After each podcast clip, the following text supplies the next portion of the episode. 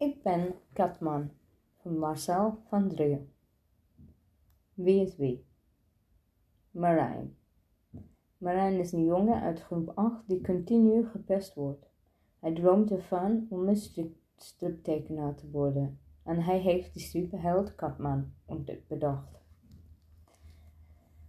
Leila. Is, Leila is een studente aan de school voor journalistiek en is bekende vlogger. Haar filmpjes op YouTube, uh, te, uh, haar filmpjes op YouTube te horen bij de meest bekeken vlogs. Ze heeft een hekel aan pesters en aan discriminatie.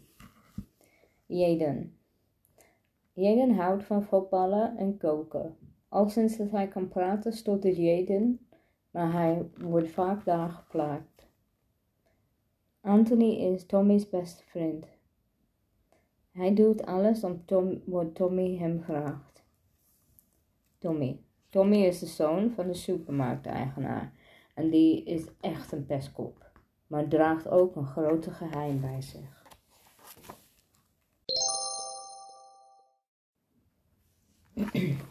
Ik ben Katman. De donkere schim op het schooldak was zwarter dan de zwartste nacht. Aan zijn houding te zien was, uh, was het was een katachtig beest. Eentje dat zijn prooi op zijn prooi wachtte. Hij zat roerloos in de hoek en de kattenoren gesplitst, zijn ogen gericht op het schoolplein. Klaar om, minst, om, klaar om bij het minste of geringste te bewegen, op te springen en toe te slaan. Alleen was het hele bal geen kat op het dak. Daarvoor hij namelijk veel te groot voor. Wist u dat? De grootste katachtige op aarde is een leiger. Dat is een kruising tussen mannetjesleeuw en vrouwtjestijger. Er bestaat ook theeuwen en die ontslaat als vrouwtjesleeuwen met mannetjestijger uh, paard. Leigers en theeuwen worden geboren in de dierentuinen en in het, uh, voorkomen niet in het wild. Het kattenwezen op het schooldag was groter dan een leiger, veel groter, veel gevaarlijker. De kattenachtige kwam overeind, spreidde zijn poten, rekte zich uit en de silhouetten zichtbaar tegen de volle maan. Als iemand aanwezig was geweest op het schoolplein, dan had die gezien de wezen geen poten, maar armen. Die kat was mens. Een mens met een kattenmasker op en een superheldencape en een kostuum aan. Hij lag op de loer. In de verte kwamen drie schimmen op het schoolplein aan. Ze verlichtten hun pad met zaklampjes van hun mobiele telefoons. Het kattenmens ging plat op het dak liggen, onzichtbaar vanaf het grond. Maar hij zag alles. De drie schimmen bleken evenveel jongens te zijn, kinderen nog. De voorste liet een rugzak van zijn, uh, zijn rugzak van zijn rugzakken. Hij haalde twee spuitbussen uit en gaf eentje aan de jongen die naast hem stond. Gedrieën slopen ze de schoolmuur af. De voorstel gaf instructies aan de rest van het team. Ik spout, Marijn, op de muur, zei hij. Hij wees naar die tweede jongen. Jij spuit, is gek, erachteraan. En jij, nu is de derde jongen aan de beurt. Jij, sta, jij staat op de uitkijk. De derde jongen protesteerde luid. Ik wil ook spuiten. Als dit klaar zijn, mag je uitroeptekens doen, oké? De jongen knikte. Het katwezen had genoeg gehoord. Hij kwam overeind en zette zich schaap. Onder hem maakte de jongen spuitbus klaar. Op het moment dat de wezen uh, het gehijs van ontsnapte lucht hoorde, sprong hij naar beneden. De jongen schrokken zich apenlaat de jongens schrokken zich het apenlazarus. Eentje viel achterover en de andere liet de spijsbus op zijn teen uh, gilde het uit. Die derde wachtte niet eens op wat er af ging gebeuren en rende zo snel en hard mogelijk weg. De leider kwam overeind en staarde naar het wezen dat met een kop en schouders boven hem uitstak en gilde: Wat ben jij? Wie ben jij? Het wezen richtte zich nog verder op de uh, en klapte zijn klauwen uit. Ik ben Katman, gilde hij, en deze school staat onder mijn bescherming. Meer hoefde hij niet te zeggen. Zonder de rugzak of de spuitbussen mee te nemen, gingen de geschrokken jongens er vandoor. Katman zuchtte. Hij raapte de uh, achtergelaten rotzooi op en gooide die in de prullenbak. Pas toen hij zeker wist dat er niemand keek, deed hij zijn superheldenkostuum uit en propte het in zijn eigen tas. Marijn keek nog een keer om en wandelde naar huis. Slapen moest hij. Morgen was het belangrijkste dag. Dan werd hij geïnterviewd voor YouTube. Lele Lijks Marijn van Bokhoven Een jonge vrouw met een enorme bosbruin krullen kwam opgewonden op mij afstevenen. Ze negeerde mijn uitgestoken hand en omhelste me omstandig. Hi, ik ben Lele Amorabet. Uh, maar jij mag me Lele zeggen. Want geweldig dat je bent, joh. Kom snel binnen, het is bloedheet buiten. Ze pakte me bij de schouder en dirigeerde mij naar binnen. Ik haalde stiekem uh, adem. Ze leek blij om me te zien, maar ik was behoorlijk zenuwachtig. Leila was de Enzo Kanaal misschien wel de bekendste vlogger van Nederland. Zij wilde mij interviewen. Ik kon nog steeds niet geloven dat ik straks op YouTube te zien zou zijn. We liepen naar de keuken waar iemand groente stond, uh, groente stond te snijden. Mijn huisgenoot, vertelde Leila ongevraagd. Doet net alsof ik de school van voor journalistiek. Leila liep al pratend de trap op. Haar lange rok ruiste om haar benen en ik bewonderde de patroon van de stof, die ik misschien kan wel gebruiken in mijn tekeningen. Ondertussen bleef ze maar vertellen hoe geweldig ze vond dat ik er was, alsof ik beroemd was in plaats van zij. We liepen naar haar kamer en het was echt een typische studentenkamer. Op een mini-studio lijkt het. Lex, zoals dat kanaal uh, YouTube, op YouTube heet. Werd deels op straat opgenomen en deels hier. Ik zag die twee stoelen en die twee beeldschermen. Ik zag de camera op een statief. En ik wilde liefst keihard weglopen. Wilde ik dit echt? Dat de hele wereld straks wist wie ik was en wat ik had meegemaakt? Wat ik ha uh, gedaan had, wat Jaden had aan, aangedaan? Wil je eerst nog wat even drinken of wil je liever meteen beginnen? De uitzending is niet live, dus we kunnen vooral kijken hoe het gaat. Maak je zelf wel eens filmpjes of tekenen je al alleen maar? Iemand met jouw talent moet tutorials gaan maken. Zonder aanvoer af te wachten ging ze voor me een naamplaats op die tweede kringloopstoel, uh, een van die twee kringloopstoelen. Ik ging naast haar zitten. De stoelen stonden schuin tegenover elkaar, zodat we konden elkaar zien en, en, eh, en de kijken ons. Leila zette het beldscherm aan. Het belt zagen we eruit als een plaatje uit het strip.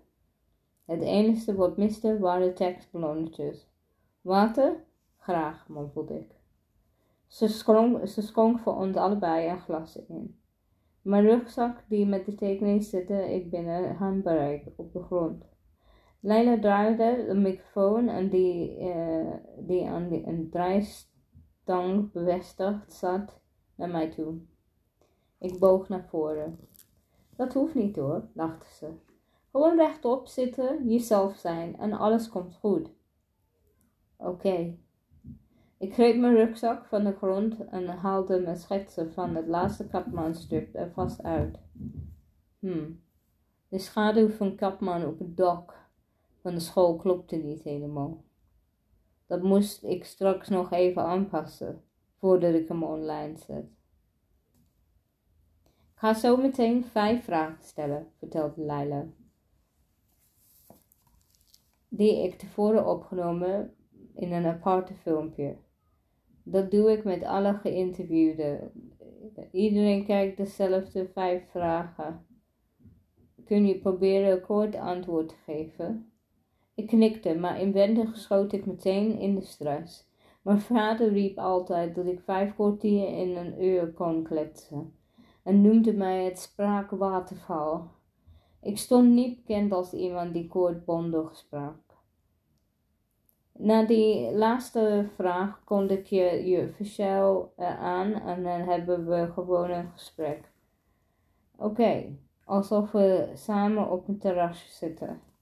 Wat voor vragen? vroeg ik. Mag ik van tevoren weten? Laila schudde haar hoofd. Dan ga je alleen maar lang nadenken. Gewoon spontaan reageren, oké? Komt helemaal goed. Ze gaf me een kneepje op mijn schouder. Ik zei dat ik het niet, ik zei dat ik het begreep. Ik hoopte dat het goed kwam, maar ik had een hard hoofd, hard hoofd in. Leila boog zich over, de camera's controle en de instellingen testen van het geluid. Toen het tweede was, pakte ze een toetsenbord. Ben je klaar? Ik knikte. Oké, dan gaan we. Ze drukte op de knop van het toetsenbord. En op het beeldscherm verscheen een geanimeerde intro van Leila Likes. Naast mij telde Leila met de vingers 3, 2, 1 en balde haar vuist. Ik begon te zweten. Mijn mond voelde droog. Waarom had ik niks dan de water gedronken? En hoeveel vragen krijg ik alweer? Als ik maar niet begon te stotteren als Jaden. Het intro stopte en eerder opgenomen Leila keek mij glimlachend aan. Ben je wel eens jezelf geschrokken? vroeg virtuele Leila. Ja, stammelde ik. En ik ben wel eens geschrokken van mijn eigen boosheid. Ik was bang dat, ik, uh, dat ze daar uh, zou doorgaan vragen. Maar ik kon in de filmpje natuurlijk helemaal niet. In plaats van de, uh, stelde ze die tweede vraag. Hoe zien jouw dagen eruit? Dat was makkelijk. Ik ga overdag naar school, zei ik. Dat vind ik niet leuk, omdat ik daar gepest word. Ik haalde diepe adem. Zodra ik thuis ben, is het weer leuk, zei ik. Want dan tenminste kan ik tekenen. En ik ben gelukkig als ik teken heel superheldenstrips. Ook nu vroeg ze niet door. Naar welke geur kan je, kun je wel eens terugverlangen? Naar het heerlijke groentesoep van mijn oma. Die leden op het scherm keek recht naar de cameralens aan en vroeg wat is je naam? Marijn van Bovenhoven.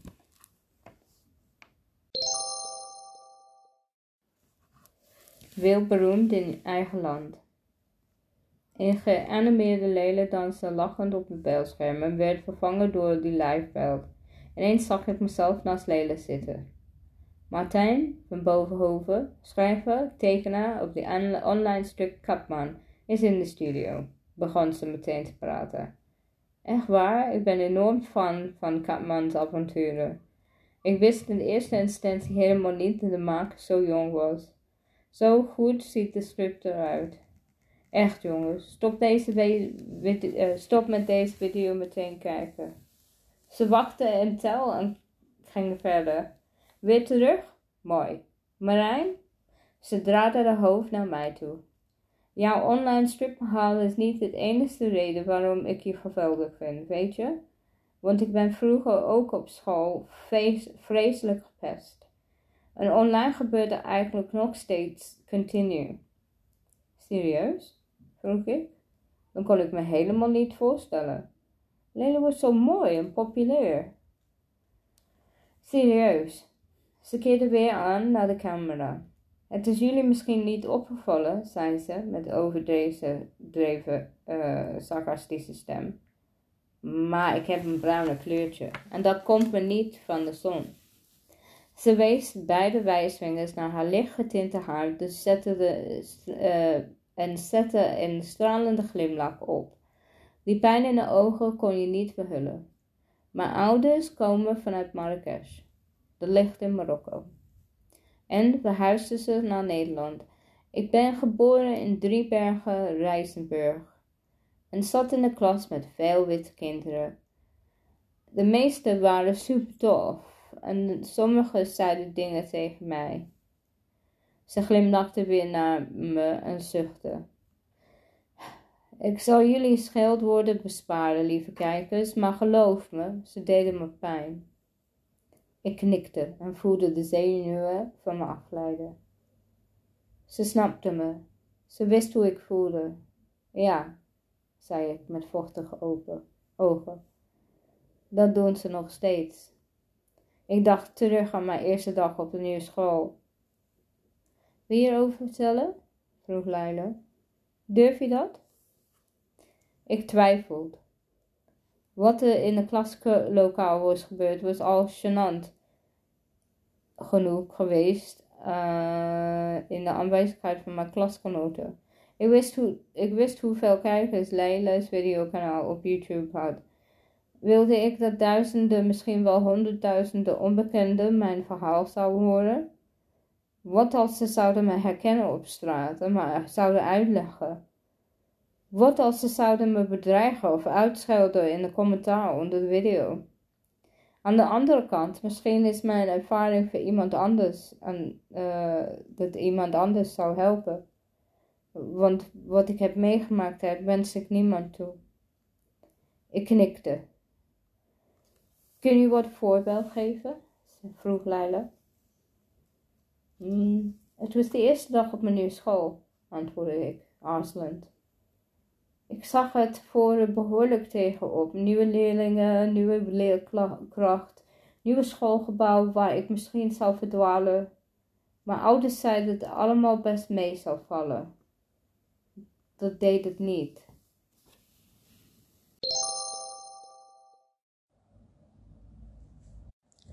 De eerste dag. Jongens, dit is Marijn. Marijn, dit is groep 8. Juffrouw Machteld maakte wijd gebaar alsof ze 33 leerlingen tegelijkertijd wilde voorstellen. Ik stak aarzelend een hand op en, uh, ter begroeting en nam iedereen op mij, uh, in mij op. Een knap, donkergekleurde meisje lachte naar mij. Ik glimlachte verlegen terug. Met de namen zal je, ik je nog niet vermoeien, maar dat komt vanzelf wel. Tommy, hou nou, nou eens je mond dicht. Rashid, dat geldt ook voor jou. Astrid, wat is er? Ze keek naar de mollige blonde meisje, dat haar hand omhoog zat.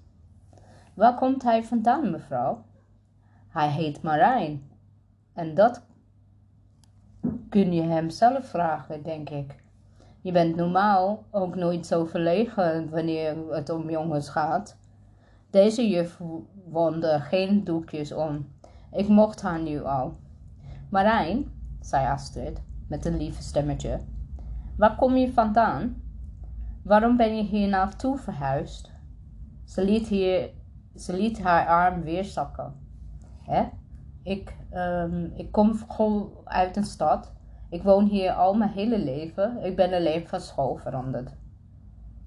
Eikel, waarom vertel je dat nou? riep ik in mezelf. En toch gewoon iets kunnen eh, verzinnen, daar ben je ook toch goed in. Oh, boe. Ben je nu van Sue school afgetropt, stotterde de jongen met de hippe bril. Hij had kroeshaar waarin een bliksem schijnt uh, geschoren was. Nee, natuurlijk niet, sufkop, imiteerde de jongen die Tommy heette. Uh, die imiteerde de jongen die Tommy heette. Hij is van school gepest. Dan kon je toch meteen, meteen zien. Het is uh, eentje waarmee je kan alles uithalen, blijkt het. Ik voelde hoe leeg bleek ik werd en, en dacht, dit meen je niet. Ik was er nog geen vijf minuten, hoe dan? Marijn heeft inderdaad niet gemakkelijk gehad op zijn vorige school, zei juffrouw IJzer. Goed, gedaan, goed gezien, Tommy. We zorgen ervoor dat hij de rest van het schooljaar hier met veel plezier gaat doorbrengen. Is dat duidelijk, Tommy? Waarom zeg je dat tegen mij, juf mevrouw? Ik doe niet aan pesten. Pesten is verkeerd. De juffrouw negeerde hem verder en wees naar mijn plaatsje. Naast de stotterende jongen, die, ging, uh, die net gesuggereerd dat ik van school was getropt. Ha, ik van school getropt. Laat me niet lachen. Ik ga alleen ergens uit mezelf weg. Ga maar naast Jaden zitten, Marijn. Hij helpt je wel op de gang. Pak allemaal je weektaak. Jij ook, Chelsea. Devon. Laatste waarschuwing. Ik pak mijn beide, beide mijn rugzak van de grond en schokte met een gebogen hoofd naar de zitplaats naast Jaden. Dit begon alweer goed. Hi, zei ik. Ik ben Marijn. Ik stak mijn rechterhand uit. De, dat uh, hoeft niet, uh, ze toch net gezegd, zei Jaden. Hij reageerde mijn poging om vriendschap te sluiten. Wat? luisterde Tommy achter ons. Wil je geen kameraad kameraad bij hebben, Jaden. Hij is precies zo'n loser. Kan je hem vasthouden? Stoetende totteren. Tommy, laatste waarschuwing. Juffrouw, ik heet Marijn alleen, ik heet Marijn alleen welkom. Nog een keer en directe heet jou welkom. In de kantoor. Na schooltijd. Iedere middag. Voor de rest van het schooljaar. Tommy bond in en ik haalde mijn spullen tevoorschijn. Nog minder dan een jaar dan begon ik met middelbare school. Tuurlijk, Marijn, als je daar straks beter gaat, je hebt het toch gehoord, je bent iemand waarmee je kunt alles uithalen, alsof je dat lang niet wist. De rest van de ochtend ging vrijwel snel voorbij en verliep zonder verdere incidenten. Ik had al gauw in de gaten hoe hier, die hiërarchie in de klas was. Tommy was overduidelijk degene die wie eens beurt ik moest blijven. Uh, uit, uit wie eens beurt ik moet blijven. Zijn vriend Anthony hing als een strontvlieg aan hem heen. Die stond op mijn gevarenlijst. De rest van de klas leek me vooralsnog redelijk onschuldig. Alleen omdat mijn buurjongen Jaden kon ik geen hoogte krijgen. Hij leek me wel aardig, maar ik wilde niet meer met mij te maken hebben. Wanneer ik hem vroeg waar we waren, hij was heel behulpzaam. Maar een praatje en had hij duidelijk geen behoefte aan. Dat kwam vervolgens mij niet alleen door het stotteren. Hij wilde, net als Shorty uit mijn vorige klas, gewoon niet met me gezien worden. Mijn aanwezigheid betekent gevaar. Het donkere meisje heet Chelsea. Astrid was duidelijk het populairste meisje, maar Chelsea leek me ook het leukste. Ze oogde wat verlegen. Astrid had daar duidelijk geen last van. Die stond continu op het middenpunt van de belangstelling. Toen de schoolbel ging, legde ik uh, gejaagde mijn spullen op elkaar terwijl ik om me heen mijn klasgenoten lawaaiig naar buiten stormde. Ik wilde snel in mijn rugzak, waar mijn tekeningen zat, grijpen en verdwijnen, want daar had ik voor gevoel dat er niks ging gebeuren. Het was al te laat. Een blauw-witte sportschoen drukte op mijn rugzak tegen de grond, plette, schetsblok en de kleurpotloten. Die rugzak ligt in de weg, Merlijn de tovenaar.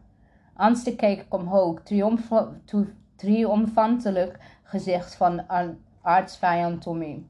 Als je je voet eraf haalt, dan haal ik hem weg, zei ik timide. Nee, zo makkelijk kom je hier niet vanaf, Merlijn. Ik was er bijna over gestruikeld. Zo ga je niet met je nieuwe klasgenoten om. Ik wierp hopeloze blik naar juffrouw, maar die was al druk in gesprek met Astrid. Wat is toevallig hadden zij en Tommy het samen bekokstoofd. Wat wil je van me? schreeuwde ik luid mogelijk. Het roemen van mij verstomde. De juf, de juf keek op. Is er iets, Marijn? Ik schudde mijn hoofd. Tommy was meteen doorgelopen, alsof er niets aan de hand was. En ik? Ik wilde het niet erger maken dan het was. Niet op mijn allereerste dag. Darth Thomas. Tommy zit toch ook in de strip? vroeg Leila. Ik knikte en hield de originale pagina's voor mijn gezicht naar de camera toe. Dit is de aflevering waar Kapman vraag neemt op de scholen Bullebak. Hier heb ik hem Darth Thomas genoemd. Hij is de aardvijand van Marijn. In de vorige aflevering de goede Darth Thomas Marijn Spiderman rugzak in het water. Thomas heeft geen idee dat Marijn het geheim het superheld Katman is. In deze, deze aflevering zet Katman en Darth Thomas betaald. En natuurlijk geen toeval dat de hoofdpersonage van die stripverhaal Marijn heet. Ik schudde mijn hoofd. Ik weet niet of kijkers alle pagina's vanaf het beeldscherm kunnen lezen. Marijn, kun je misschien vertellen wat er allemaal is gebeurd? Uh, ja, zei ik. Ik schraapte mijn keel en ik staarde naar mijn eigen strip. Zo hoefde ik niet uh, in de camera te kijken. Kapman heeft de herenhuis van Thomas beklommen. Begon ik. Als de kat bedoel ik. Ik probeerde nu het slaapkamerraam te openen, zonder dat Thomas wakker werd. Binnen stopte, stopte hij een waterballon in zijn rugzak. En wanneer Thomas die volgende dag ging openmaken, knapte die ballon en zijn spullen waren allemaal nat.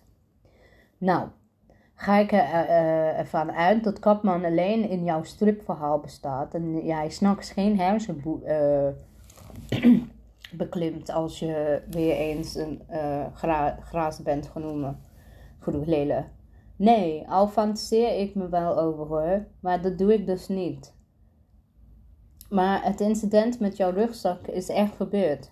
Wie hierover vertellen? Hoe lang is het geleden? Een paar weken terug, zei ik aarzelend. Het was de pauze en ik probeerde Tommy te ontwijken. Ik haalde een C-boek uit de schoolbiep en begon op tafel in de aula te zitten lezen. Het ging over kinderen die ontvoerd werden naar een eiland, dat is super slechterik, en daar werden ze opgeleid tot superhelden. Ik was benieuwd of ik er misschien ideeën kon opdoen van mijn eigen stripverhaal. Maar na vijf minuten werd ik buiten gestuurd door mevrouw Bihari, de directeur. Leerlingen mochten haar binnen alleen blijven tijdens de pauze als het hard regende, lekte ze uit. Een paar waterdruppels doen niemand kwaad, glimlachte ze. Nee, waterdruppels niet. Buiten werd ik opgewacht door Darth, Tommy en Anthony, de superstormvlieg. Tommy kwam naast mij lopen en stampte expres hard op de regenplassen dat mijn broek vies werd van de modder. Anthony liep achter hem en deed hetzelfde, waarbij hij mij uitkeek dat Tommy niet bespatte. Marlijn, waar heb je de magische trui van? vroeg Tommy ernstig. Kun je misschien het adres van de winkel geven? Onze werkster kan altijd een poetsdoekje gebruiken. Ik negeerde hem. Vastbesloten mij niet te laten kennen en snelde de andere kant van het schoolplein. De, tweetal, de tweetal volgde mij, stampte in de plassen en, als een kudde olifanten van de ochtendkleren uit dezelfde kledingkast had gehaald. Het was, mij niet het was mij al opgevallen dat Tommy en Anthony merkkleding droegen, maar na pas zag ik TF op hun vest staan. Dat betekent toch Tommy Philhigger? Dat meen je niet. Wat een loser. Zijn eigen voornaam op zijn borst. En Anthony was helemaal uh, een meelopen. Ben je bang om je voornaam te vergeten, uh, Tommy? vroeg ik terwijl ik logo wees. Anders iemand wie je bent. En jij, Anthony, wil je zo graag uh, vriendje lijken dat je zijn afdakketjes draagt? Dit soort opmerkingen was natuurlijk vragen om moeilijkheden. Maar wees eerlijk, ik had niets te verliezen. Ik had mijn artsvijand duidelijk al gevonden. Iedereen hier weet wie ik ben, uh, Merlijn, zei Tommy dreigend. Ja, daar was ik al lang bang voor. Vandaar en de klasgenoten miraculeuze wijze de andere kant van het pleintje waren gestoven. Alleen John, jo uh, Jaden stond verderop naar ons te staren. Kun je het zijn, zien, jongen? Mijn naam is Marlijn, niet Merlijn, mompelde ik. Anthony was rood aangelopen en trok zijn vest strak. Hoezo, afdakketjes, riep hij en trok mijn rugzak uit mijn handen. Andere kinderen lieten, uh, lieten die achter in het klaslokaal, maar ik durfde mijn schetsboek en mijn tekenspullen niet onbeheerd achter te laten. Hey, afblijven, gilde ik, anders doe ik je wat. Wat ga je doen, en Melijn? Een toversprook over ons uitspreken? riep Tommy. Abracadabra, hocus pocus, pilatus pas. Ik wou dat ik een superheld was. Mijn rugzak werd een paar keer over mijn hoofd gegooid, uiteraard net buiten mijn bereik. Ik keek gejaagd om me heen en zocht angst, uh, de angstvallige naar hulp. Jason loerde nog steeds naar ons. Blijf daar niet staan kijken, roept de juf, schreeuwde ik hem toe. Doe dat, Jaden, schreeuwde Tommy. Hij ritste de rugzak open en keerde hem om. Dan ben je de volgende keer aan de beurt. Tommy bleef Jaden dreigend aankijken. Ondertussen schudde de inhoud van mijn rugzak over de grond. Mijn tekening dwarrelde in de plas. Mijn kleurpotloten vielen op de grond. Alles was binnen enkele seconden doorgewerkt of gebroken. Oh, wat spijt me dat, Merlijn. Nou hebben je al je tekening en waterbad gekregen. Dat gebeurt als je geen respect toont voor je klasgenoten. Weer wat geleerd vandaag. Minachtend gooide hij die, uh, gooide hij die lege rugzak bij mijn spullen in de regenplas en wandelde weg. met zijn maatje in zijn kielzog. Ik zonk op mijn knieën, graaide mijn natte illustraties bij elkaar. Toen mijn verbazing kwam Jaden me helpen. Hij pakte de tekeningen al en sloeg ze een paar keer heen en weer, zodat de druppels eraf uh, geslagen werden. Mooie tekening, zei hij nauwelijks, stotterend. Is dat Spiderman? Kakkalokman, mompelde ik, terwijl ik laatste schetsen uit het water viste. Ik liet het uitlekken en de naam schade op. Het viel me als alle mensen liet drogen op bij verwarming. Uh, als ik alles tenminste liet drogen op de verwarming. Spiderman zou je wel weten hoe die lui zou moeten aanpakken, zei Jaden dromerig. Hij blijft maar naar die rekening staren. Kakkelokman corrigeerde hem, ik hem, zuchtend, niet Spiderman. Jaden haalde zijn schouders op. Kennelijk was hij niet zo gecharmeerd met Kakkelokman. Sorry, net geen hulp haalde, ging Jaden verder. Hij keek strak naar zijn tekening. Kakkelokman, die twee belagers van zich afsloeg. Ik haalde mijn schouders op. Ik weet hoe het werkt, zei ik. Als jij klikt, pakken je ze de volgende keer. Dat maakt, het maakt niet uit. Maar het maakt er natuurlijk wel uit. Baba's kunstroom. Rome. Marijn, ik moet het vragen. Waarom grepen je ouders niet in? Hoe kan dat nou? vroeg Leila. Merkte ze het niet? Thuis werd ik uiteraard niet gepest, zei ik aarzelend. Ik bleef er met moeite uh, mee hebben mijn verhaal over de camera vertellen. Nu was het nog uh, tussen ons tweetjes, maar straks kon iedereen mij zien en horen. Ook mijn ouders. Daar was ik veilig, voegde ik eraan toe. Dat begrijp ik wel. Had je thuis helemaal geen last meer van? Jawel, maar als ik eenmaal op mijn slaapkamer zat, kon ik de stripboeken lezen of tekenen en het verdweende de vervelende gevoel meestal na een tijdje. En ik kan goed met mijn ouders opschieten wanneer ze thuis zijn. Je bent een sleutelkind. Een wat? Een sleutelkind. Iemand die op een jonge leeftijd al die sleutel krijgt van zijn ouderlijke woning omdat er overdag niemand thuis is. Waarom zijn ze nooit thuis? Een paar maanden geleden opende mijn moeder haar lunchroom en kreeg ik een huissleutel. Maar toen was mijn vader er nog wel. Je ouders zijn gescheiden. Nee, gelukkig niet, antwoordde ik. Al lijkt het soms wel op. Want mijn vader, ik zie hem alleen maar in de weekend. Door de week zit hij in het buitenland. Hij is projectmanager en doet iets ingewikkeld met computerprogramma's in het buitenland. Hij zit afwisselend in Ierland, Duitsland, Zwitserland. Vrijdagavond komt hij altijd thuis en in het weekend doen we veel leuke dingen samen. Vertel je dan over wat heeft plaatsgevonden die week? Niet meer. Ik ik heb eerst een andere basisschool gezeten. Omdat ik naar die school durfde, zocht een nieuwe school voor me. Hier werd, word ik nog erg gepest. Vooral bij de gym. Dat is erg. Maar ik vertel niet om en niet ongerust te maken. Laat me raden. Je kunt niet voetballen. Niet heel goed, maar ook weer niet zo slecht. Ik krijg gewoon nooit de kans om te oefenen op school. Ze willen mij toch niet bij hebben en het wordt bijna altijd als laatste uitgekozen. Vind je dat vervelend? Zolang je mij met rust laat, dan vind ik alles uitstekend. Je bent beroemd geworden met je strippenhaal over een jongen die gepest wordt en daarna verandert in een superheld. Nou ja, beroemd, zei ik verlegen.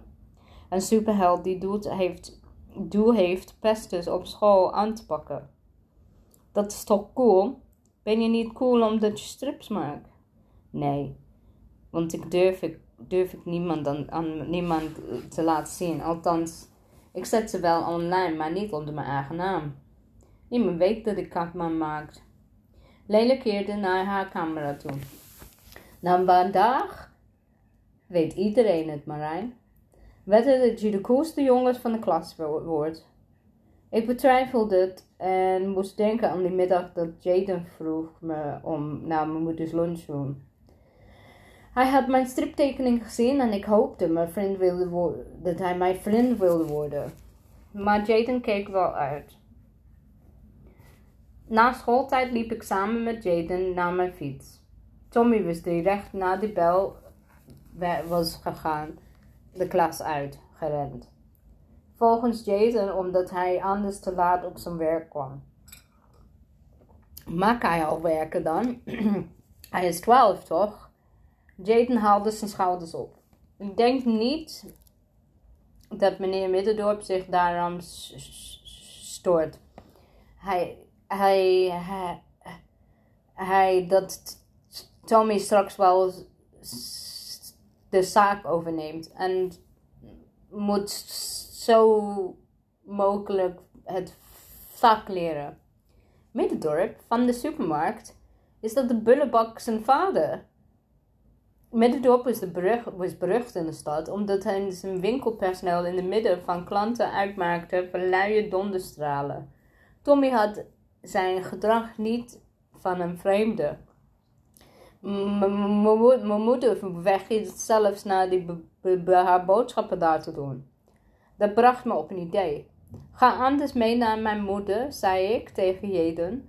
Uh, ze, geeft, ze heeft een eetcafé in het centrum en ik mag daar altijd gratis drinken. En dan denkt mijn moeder dat ik vrienden maakt en uh, dacht ik erachteraan. Nee, sorry, ik heb mijn vader beloofd dat ik zou hem helpen met eten koken, antwoordt Jaden. Een andere keer, oké? Kunnen we misschien samen Spider-Man strips lezen? Doen we, antwoordde ik. Ik deed geen moeite om mijn teleurstelling te verbergen. Zie je wel, net als Jordy, je vader smiddags helpen en avond klaarmaken en geloofde hem toch niet. Jaden bromde en pakte zijn crossfiets. Ik moest gelukkig de andere kant op. Mijn moeder was een tijdje geleden een eetcafé begonnen in het centrum van de stad. Ik mocht eigenlijk geen eetcafé zeggen, maar moest een lunchroom noemen. Whatever. Ik uh, in het begin kwam er geen hond. En nu, um, want wat de boer niet kent, eet hij niet. Mijn moeder ten einde raden wilde een tent afsluiten toen ze benaderd werd door Nathaniel, die plaatselijke schilder, schilder en tekenleraar. Hij zocht de expo expositieruimte voor zijn cursisten en wees op de kale muren van de eetcafé. Mijn moeder stelde haar muren beschikbaar en nam direct zelf schilderles. Nu hing er iedere maand een nieuw kunst in het eetcafé en noemde iedereen het kunstroom. De meeste schilders vond, het niet, vond ik niet om aan te zien, mijn tekeningen waren veel beter. Maar de kunstenaars wilden graag lunchen op een plek waar hun, hun, hun werk uh, hing. Ze stuurden familieleden, vrienden graag door, de, door naar hun exposéruimte.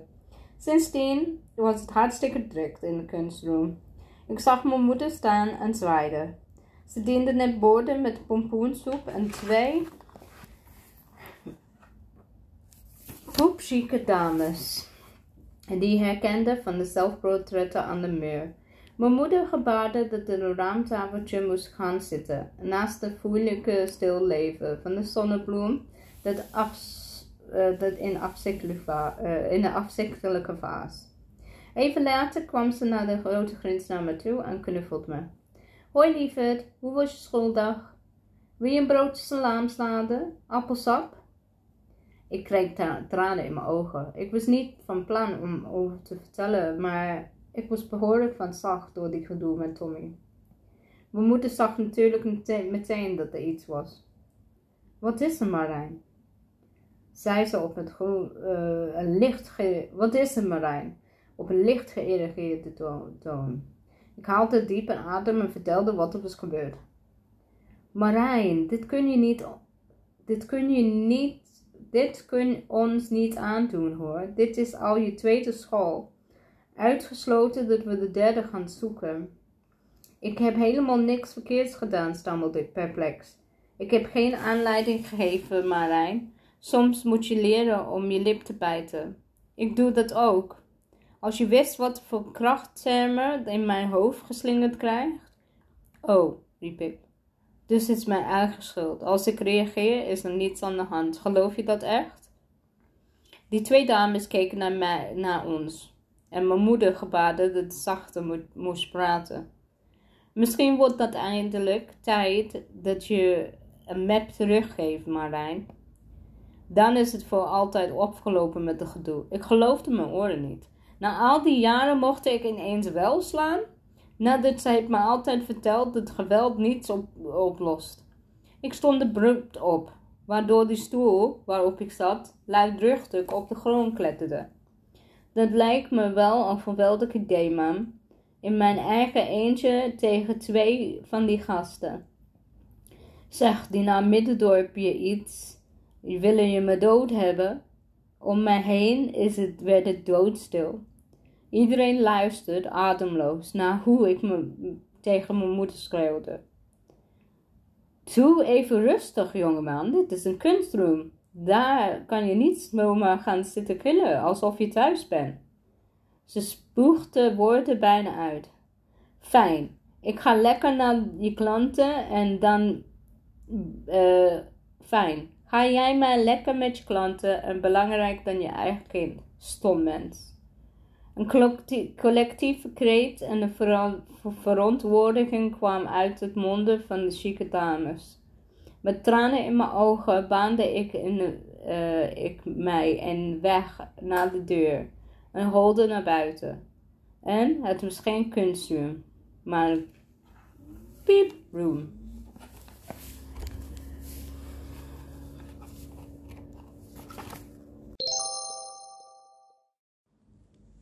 E-mail. Thuis pakte ik mijn tablet om te kijken als er e-mails waren. Ik beeldelde alle jaar op mijn smartphone, maar mijn ouders vonden me te jong. Na de stennis die ik zojuist geschopt had, sluwen mijn kansen op een mobieltje natuurlijk helemaal verkeken. 13 mails waarvan eentje meldde dat Lelis Likes, mijn favoriete YouTube kanaal, een nieuwe film had opgeload. Twee waren van mijn vader en Jordi en de rest was spam. Goh, Jordi. Hij was alweer e-, even geleden. Is mijn beste, enige, om eerlijk te zijn, vriend geweest op mijn vorige school. Maar mocht ik zijn moeder niet meer maar mocht van zijn moeder niet meer met mij omgaan omdat ik problemen aantrok. Waarmee ze bedoelde dat Jordi gepest werd omdat hij met mij omging en niet zijn rode haar natuurlijk. Dit was de eerste keer dat ik van, had hem, van hen gehoord sinds dat ik van school veranderde. Ik wilde hem eigenlijk geen aandacht geven, dus reageerde ik e-, eerst op mijn vaders mail. Hey zoon, even een voorstel om belachelijke mailtje van jouw eenzame vader vanuit het steenkoude Zurich. Dat ligt in Zwitserland. Voor het geval dat je hebt, slaap, hebt zitten slapen in top, topografie. Het ochtendgloren en, uh, is net op zijn retour en de temperatuur is beneden het vriespunt. De straten zijn verlaten. Ik moest afgelopen zaterdag blijven voor een vergadering die nog saaier was dan de allereerste theatervoorstelling van de allerslechtste theatergroep ooit. Hoop dat jouw schooldag beter was dan mijn week. Wat dacht je ervan om komende weekend gedreven uh, naar Scheveningen uh, te gaan? Om even uit te waaien. Hopelijk durf je, moeder het eetcafé, excusez la moi, de lunchroom, en weekend over te dragen naar haar medewerkers. Wil je een balletje opgooien? Ik durf het niet meer te opperen. Vorige keer sloeg ze me zo wat het in het ziekenhuis. Een knuffel van Johannes, die man die zelfs in het weekend een vegetarisch vlees niet kon snijden. Ik helaas mijn vaders mail. Hij deed luchtig over zijn vergaderingen en wist dat hij Louis zwaar vond om lang thuis afwezig te zijn. Mijn moeder wilde dat hij naar Nederland kwam werken, maar mijn vader was bang dat hij zijn baan zou kwijtraken als hij voor de overplaatsing vroeg. Zou ik hem durven te vertellen wat is gebeurd vanmorgen? Ik vermoedde dat hij mij zou luisteren. Hij is tenslotte ook super gepest op school in de bovenbouw. Hij zou het begrijpen. Maar wat kon hij eraan doen vanuit Zwitserland? Hij zou zich alleen maar zorgen maken. Hé hey pap, ik weet niet waar ze, ik weet waar ligt. Ik lag niet te slapen. Ik weet zelfs waar Zwitserland geen officieel hoofdstad heeft. Jammer dat het zo koud is. School is erg leuk vandaag. Ik heb een nieuwe vriend gemaakt. Hij heet Jaden en hij is net als ik. Gek op stripverhalen. Over strips gesproken. Dat heet een bruggetje. Ik heb geleerd op school. Ehm, kunnen we dit weekend naar het stripmuseum gaan in Groningen in plaats van Scheveningen? Met z'n tweeën. Mama kan niet, omdat ze moet kunst met een heel kleine K jureren voor de Nathaniel en de, kla, uh, de, kladder, de kladderaar, sorry, de kunstschilderaar.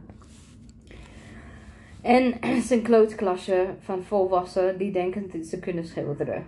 Gaan wij echt striptekeningen bekijken. Groningen is hier niet zo ver vandaan. Als ik niet heb zitten slapen, aardrijkskunde tenminste. Als je dat wil weten, wat allemaal te doen is, check dan de website van het stripmuseum. Ik hoop dat je snel weer thuis komt en het warmer wordt daar in Zurich.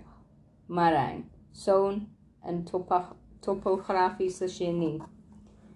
Ik voelde me een beetje lullig dat ik had gelogen over mijn eerste schooldag, maar hij hoefde zich niet, nog niet te zorgen.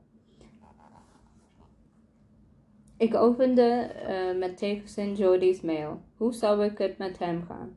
Zou hij minder gepest worden nu ik van school was? Dus het lag inderdaad aan mij. It's the Joe here. Long time no hear from you. Marijn, hoe bevalt het nieuwe school? Ik vind het nog uitballen dat ik niet meer met je mag omgaan van moeder. Misschien als je niet meer gepest wordt, dan ik, dat ik weer wat mag spreken met jou. Hier is alles doop. Hopen nieuwe vrienden en veel lol. En iedereen vindt mijn rode haar nu cool. Lachen, hè? Hoe is die eigenlijk met de stripheld? Heb je al iets verzonnen van de dan, verzonnen dan man? Ben benieuwd naar je tekeningen. Jordi de Pori. Zeg maar gerust, Poppy. Want ik vroeger grappig, maar, uh, grappig had gevonden, stoorde me nu uit, mm, uitermate. De mail is zo onecht, met alle expres gemaakte taalfouten, alsof er niets aan de hand was. En eerlijk gezegd geloofde ik niet ineens dat zoveel vrienden uh, plezier had. Het tuitte mijn lippen en bedacht een gepaste woorden. Uh, gepaste antwoord. Hey Jordi. Bij mij op school gaat het uitstekend. Mijn nieuwe bestie Jane is zoals wij gek op stripverhalen. En zit een leuke meisje in de klas, Chelsea heet ze. Vervolgens vindt ze me ook leuk. Ik ben druk bezig met de nieuwe striphelden. Ik kan... Ik heb schetsen gemaakt van Kakkelokman en Badman. Gaat graag in bad. De. Die is heel gaaf. Binnenkort online. Ik bood mijn tablet op en pakte mijn kleurpotloden en schetsblok en begon Kakkelokman voor te schetsen. Hij stond groot en dreigend op het schoolplein. Voor hem stond Jordi en Jaden. Ik gaf Jordi de podi extra rode haar en 10.000 sproeiten.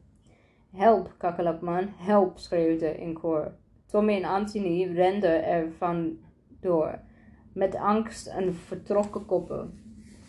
Het is verschrikkelijk slecht tekening, bijna net zo abominabel als een kunst aan de muur van een eetcafé. Gefrustreerd smeet ik de schetsblok weg en pakte ik de stapel stripboeken. Kakkelakman was de stomste superheld ooit. Welke idioot bedenkt zoiets stoms? Een talloze mislukkeling. Daar Tommy had gelijk. Ik kon niks. Niet vechten, niet tegenen en helemaal geen origineel superheld bedenken. Ik was echt een flippin' loser.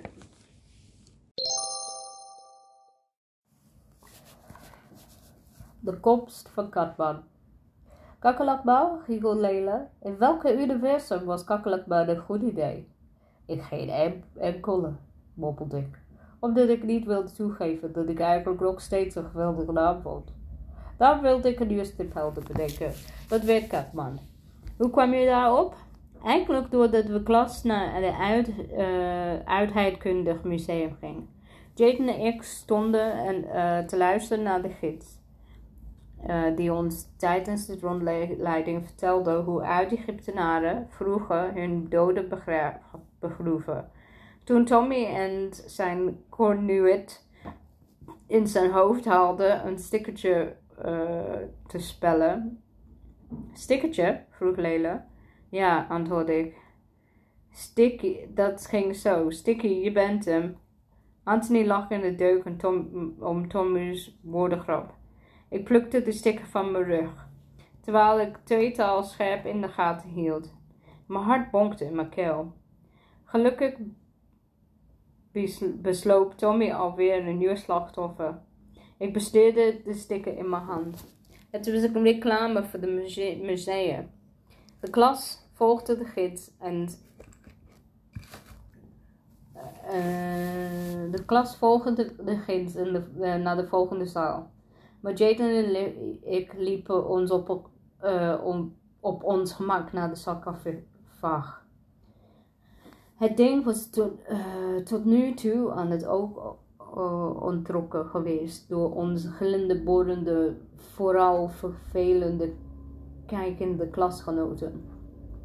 Nu willen wij hem wel eens dichtbij bestuderen. Op een sarcofaag waren een lichaam en een gezicht van de jongen nageschilderd. Zijn overblijfselen lagen in de kist. Dat was een Egyptische koning geweest, zei Jeden. Hij stierf heel jong. Wist je dat de, uit Egypte naar Egypte begraven werd en ingewande paard werden verpakt in kleine godenbeltjes? Daar staan, daar staan er een aantal. Ik keek naar die 30 centimeter hoge bijltjes die naast elkaar in de vitrine stonden. Zitten daar ingewanden in? Bah, nog steeds. Ja, en in die zitten waarschijnlijk een hart. Jaden was daarna met zijn wijsvinger op de sarcofaag, zijn hart. Tommy en Anthony kwamen de zaal, uh, zaal inhollen met een kerende Astrid achter hen aan. Ze trok een sticker van haar jas en plakte op Tommy's nek, die hem er gewoon liet zitten.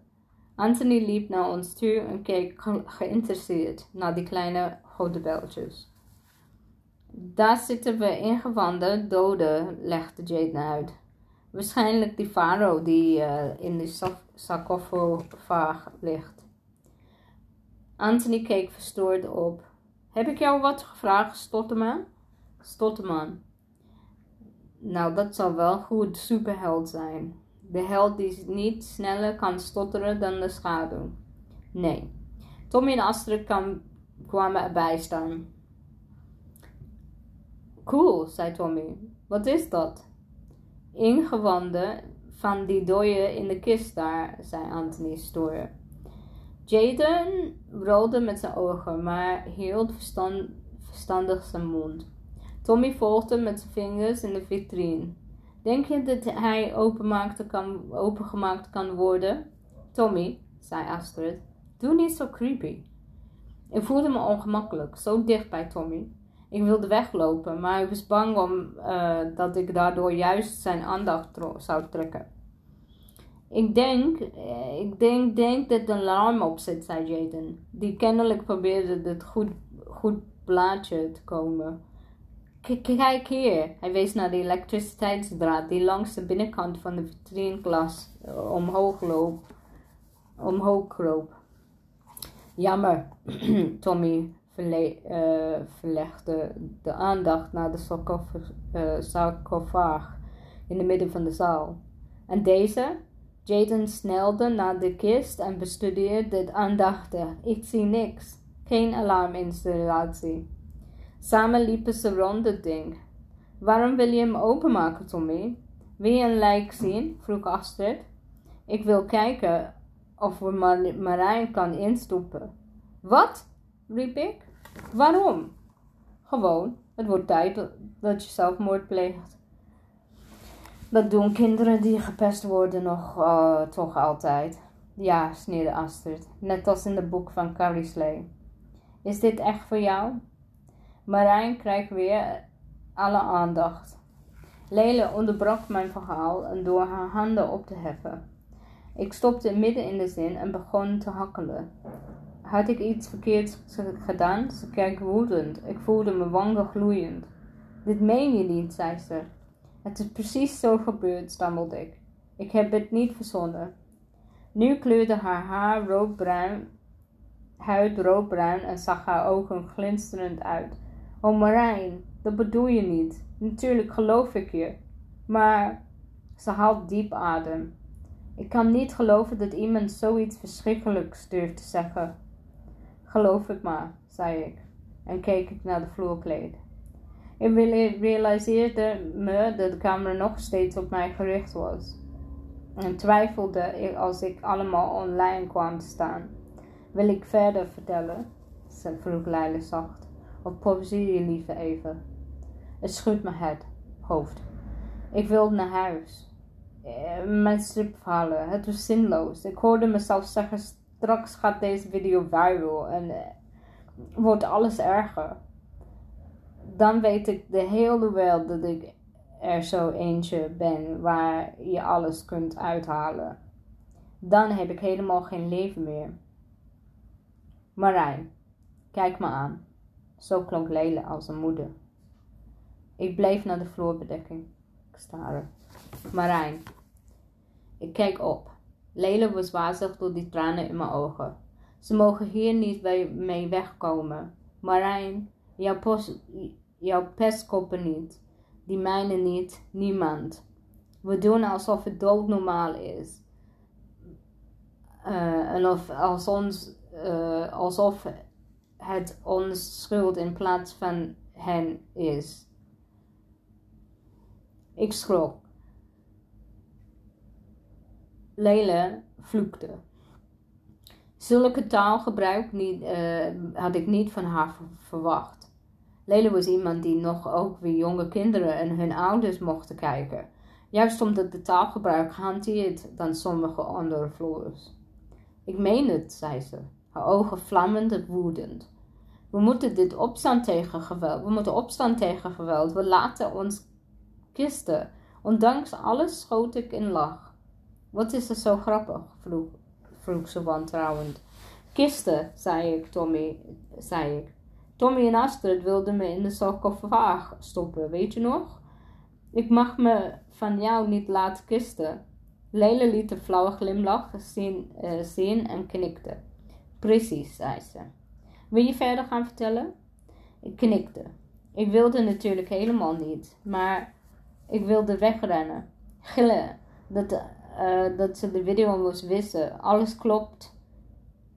Alles kapot maken, maar, voorkomen dat iemand zou weten wat mij was overkomen. Ik durfde niet. Zo, zoals ik veel niet durfde. De geboorte van Katman. Het wordt tijd dat je zelfmoord pleegt, had Tommy gezegd. Ik balde mijn vuisten achter mijn rug. De laatste maanden op school waren hel geweest. En de gedachte aan zelfmoord was meer dan, eens door mijn hoofd geschoten. Maar hoe wist Tommy dat? Kon hij gedachten lezen? Tommy schoot Jaden eindelijk te hulp. Dat zijn geen leuke grappen. nu ga je echt te ver. Dankbaar keek ik mijn nieuwe vrienden aan. Ga ik echt te ver, Jaden? Anthony geerde en lachte om Tommy's imitatie. Alleen maar omdat Marijn kist wenst. Ik haalde diepe adem. Hey Tommy, ik zal erover nadenken, oké? Maar zorg ik ervoor dat jouw naam op mijn zelfmoordbriefje komt staan. Met dank aan Tommy Middendorp zal je vader een prijs stellen. Kan je het gratis advertentie in kan je het bij je gratis advertenties in je supermarkt ophangen, naast de flessenautomaat. Astrid moest giechelen, wat haar onverwacht stompt van Tommy oplevert. Haar gezichtsuitdrukking verschoot van schrik naar woede. Vloekend en teren liep ze uh, de zaal uit. Ik draaide me ook van de rest weg en liep onwaarschijnlijk bewogen. Ogenschijnlijk onbewogen achter haar aan. Ondertussen vochtte ik tegen de tranen. Ineens pakte Tommy mij van achter mijn schouders en draaide me om met geweld. Zeg dat nog eens, klootzak, recht in mijn gezicht. Een enorme woede maakte zich mij, mij meeste en ik duwde Tommy hard van me af. Hij wankelde over de, en viel tegen de glazen vitrine met de goede aan. Het alarm ging af met het snerpende geluid. Verschrikt keken we gezamenlijk naar de deuropening waar juf Machteld kwam binnenstormen. En huilende Astrid aan haar zijde. Gelukkig had ze hulp gehaald. Marijn, waar denk je dat je mee bezig bent? De juf sleurde me hand, hardhandig in de hoek, waar ik een preek kreeg in plaats van Tommy. En toen snelde ze post legde het stil en keek veront, verontwaardigd naar mij. Wat had ik gedaan? Maar juffrouw, het was Tommy die. Tommy krijgt er zo langs Marijn. Wees daar niet uh, voor. Uh, Tommy krijgt er zo van, van langs Marijn. Wees daar niet bang voor. Ik to tolereer geen geweld in mijn groep en ook echt niet van jou. Begrepen? Een en een meisje slaan, dat had ik niet echt. Uh, dat had ik niet achter jou gezocht. Jij zou beter moeten weten. Een meisje slaan? Ik? Ik draaide mijn hoofd naar Astrid, die dit lekker puh-uitdrukking terugkeek. Ze zochten uit de raad voor de alleen dat haar gezicht kon zien. Ik liep mijn hoofd zagen. En allemaal voor, uh, wat had dat allemaal voor zin? Ik vroeg me Jaden, ik vroeg me, uh, ik voegde bij, mij bij Jaden en hoorde hoe Tommy op zijn beurt een preek kreeg. Jaden en ik maakten ons snel uit en de voeten en snelden naar het volgende ruimte, waar een kolossal kattenbeeld ons opwachtte. Gaat het een beetje? vroeg Jaden. Ik haalde mijn schouders op. Wat viel er te zeggen? Dit was mijn leven. Dat was het altijd al geweest. Ik was bang dat het altijd zou blijven. Mijn aandacht werd getrokken naar die gigantische beeld tegen de achterwand dat was geplaatst. Het was een vrouwelijke personage met een kattenhoofd. Ze lijken wel op, ze lijkt wel uit een game te komen. Met een sereen blik keek ze naar ons, op ons neer. Wauw, wat is dat? De is Bastet, zei Jaden snel. Volgens mij is hij op een ander onderwerp mocht overstappen. Ze was een vruchtbaar, haar, vruchtbaarheidsgodin en zag eruit als een kat. Men zegt uh, dat de kracht van alle katten op aarde in haar huist. Ik raakte een koude oppervlakte van de beeld aan. Een siddering ging door me heen. Ik stelde me voor hoe kattenenergie zich verplaatst van steen door mijn hand naar mijn lichaam. En toen kreeg ik een waanzinnig idee. Ik keerde me, mij naar Jaden, terwijl allerlei wilde gedachten uh, door me heen schoten. Jaden, ik heb het. Ik heb het gevonden. Jij en Jordy vinden kakkelokman stom, toch? Het is het. Past het. Een jonge, jonge geraakte belt aan en wordt Catman, zei Jaden.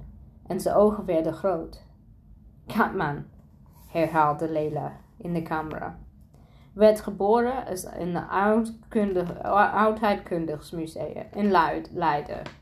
Bedenken, maar, maar, maar bedenken Marijn van Boek, uh, Bokhoven en bracht hem tot leven in een stripverhaal. Meer over in mijn volgende YouTube film, filmpje. Wil je abonneren op Lele Likes? Klik dan bovenin op de button en je weet uh, dat je het wilt. Ze wachtte een paar seconden en zette daarna de opname stop. Gaat het? vroeg ze. Ik knikte. Al voelde het niet zo. Ik kon het, ik kon het idee van het opname alles alleen maar erger zou maken. Niet van mij afzetten.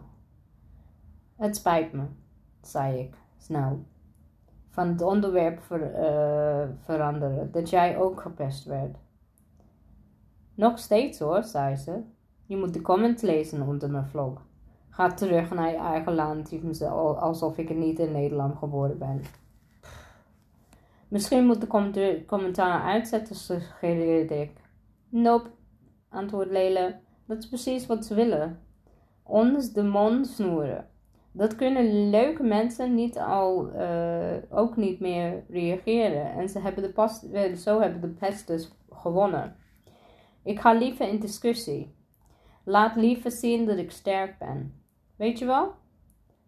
Sterk was zeker. Sterk was zeker.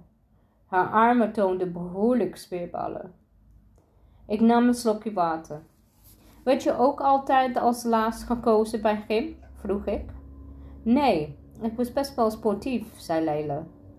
Dezelfde meisjes die op het schoolplein niks met mij uh, te maken wilden hebben, kozen me wel voor hun team. Dan konden ze tenminste winnen. Ik werd een keer uitgekozen, vertelde ik. Ik haalde diepe adem en blies de lucht uh, langzaam uit.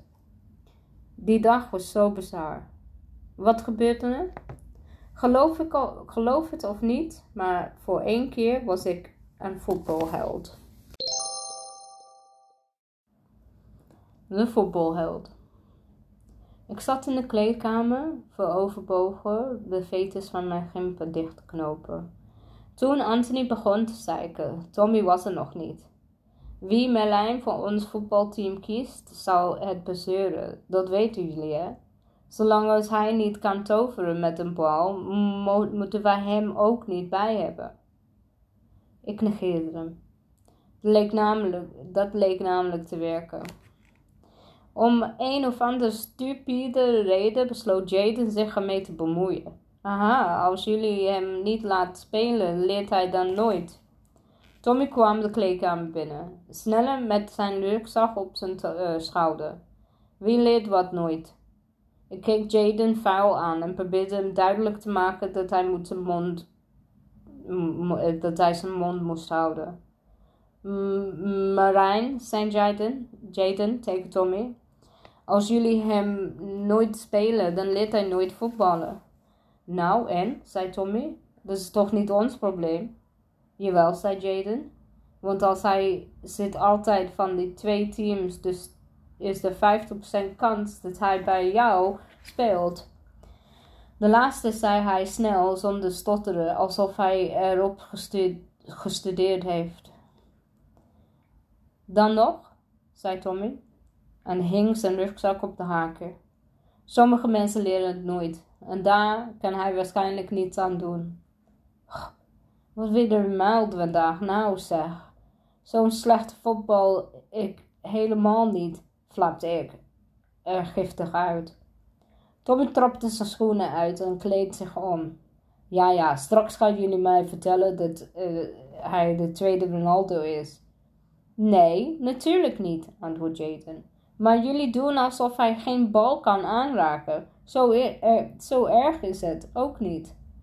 Maar Marijn en ik trappen wel eens een bal na schooltijd. Hij kan veel beter voetballen dan je denkt. Wanhopig keek ik Jaden aan. Hou je kop, je maakt het alleen maar erger. Alsof hij geloofde dat het vieze stotterman schaampote Anthony.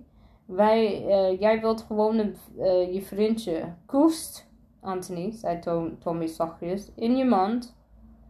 Voor ons, uh, voor ons gelijkt, verongelijkt ging Anthony zitten mokken. Tommy keerde zich naar mij. Is dat zo, Marijn? Kan jij stiekem wel voetballen? Ik haalde mijn schouders, op. Redelijk, als ik tegen Jaden speel, tenminste, of ik in een team. Nou, niet terugkrabbelen. Onderbrak mij, eh, onder, onderbrak hij mij. Kun je voetballen of niet? Ik denk het wel, zei ik aarzelend. Oké, dan zit jij vandaag in ons team. En alsof daarmee de zaak was afgedaan ging, het uh, ging hij verder met de sportschoenen aantrekken. Mijn hart klopte ondertussen in mijn keel en Anthony was ook het duidelijk niet mee eens. Tommy, ben je gek geworden of zo?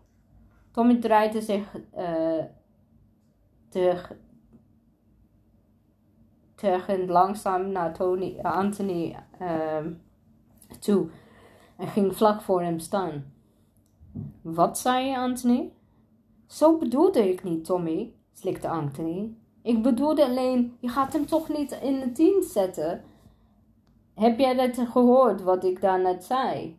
Marijn voetbal bij ons daarmee, basta. Misschien moet ik anders, probeerde ik ertussen te komen, maar Tommy ging verder. En als Marijn niet presteert, dan wijzen wij wijs, wijzend op Jaden. Dan stopt de pip, de Pidinuput, Pinut, die triomfantelijke blik, uh, die daarna nog op Jaden's gezicht zag, was ook wenk verdwenen. Was ik in oogwenk verdwenen. Wat? Mama, hey, je bent wel overtuigd dat hij kan voetballen. Dat is jouw probleem. Als hij faalt, dan heet het vervolgens mijn vader je, wil, uh, je verantwoordelijkheid nemen. Dat doe je als, uh, dat doen voetballertrainers ook. Die nemen ontslag als een voetbalploeg faalt. En tegen Anthony meekomen jij. Anthony gaf mij nog een woedende blik aan en volgde zijn leider de gymzaal in. Jaden keek mijn verslagen, verslagen aan.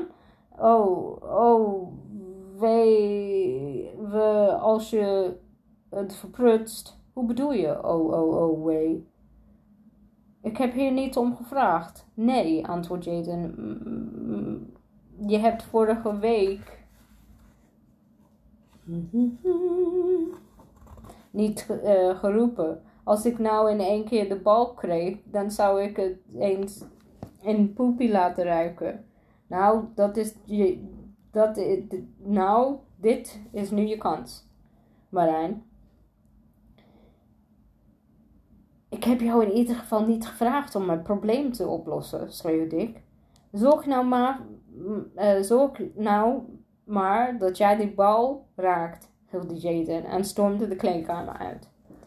Met lood in mijn schoenen ging ik achter hem aan. Dit kan alleen maar misgaan. Marijn staat vrij. Anthony gilde Tommy. Anthony was zo verstandig om niet de discussie in te gaan en paste mij de bal. Niemand dekte mij, maar, uh, want niemand zag mij als gevaar. Ik nam de bal over en ik speelde hem suppel door naar Tommy. Die scoorde. Gejoe, klankte het zijlijn. Gelijkspel. Ik gloeide, gloeide. Als ik nou, ook, uh, nou zelf ook een goal zou maken, had ik misschien een kans om een schooljaar over te leven. Nog drie minuten en dan was de gymles afgelopen. Ik zag mijn kans, schoon en snelde de vrije plek voor dit doel. Ik zorgde ervoor dat Sylvester tussen mij en het doel liet, zodat ik het niet buitenspel stond. En wachtte tot het aangespeeld werd. Deze keer uh, was het Tommy zelf die het loop uh, zuivere pas de voetbal over de andere spelers heen schoot en hem bijna voor mij neergelegd. Ik zag Sylvester op mij afkomen, stormen, en wist dat ik maar één mogelijkheid had. Ik draaide om. Ik draaide om mijn as zodat ik recht voor de doel kwam staan Terwijl mijn voet naar achteren bewoog, eh, eh, zag ik in gedachten hoe ik scoorde toen gejuicht werd door, tem, eh, door de team. Tommy werd mijn best vriend en samen wonnen we alle wedstrijden. Jaden had gelijk. Soms moesten we iemand eentje, eh, een setje geven, anders veranderde nooit wat. Mijn voet bewoog naar de bal. Niets stond bij mijn overwinning nog in de weg. Ik raakte de bal met de punt van mijn schoenen en in plaats van de zijkant. Speelde hem kaarsrecht aan het aansnellende Sylvester. Die zag een kans en speelde de bal langs de rest naar Rashid. Die bij het andere doel stond. Goal, mm, goal maar niet voor ons team. Mijn leven was voorbij. In de kleedkamer wachtte ik op wat zou er komen maar bleef ijzig stil. Zelfs onder de douche bleven de normaal draaiterij uit. Op een of andere manier was het nog erger, zelfs Jaden negeerde mij volko volkomen op het eerste onder de douche uh, vandaan. Terwijl ik me afdroogde, was hij al aangekleed en stond op een punt om naar buiten te lopen. Blijf jij zo recht op ons wachten, Jaden? zei Tommy zachtjes. Wij willen nog wat bespreken.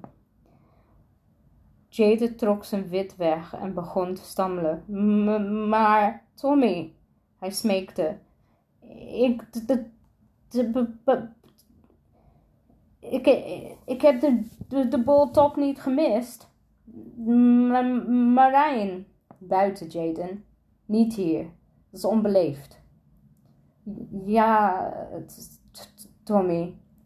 Hij probeerde zojuist de schuld op mij af te schuiven. Ik wist niet dat ik medelijden moest hebben of woedend moest worden. Ik eh, treuzelde lang in de hoop dat eh, alles voorbij zou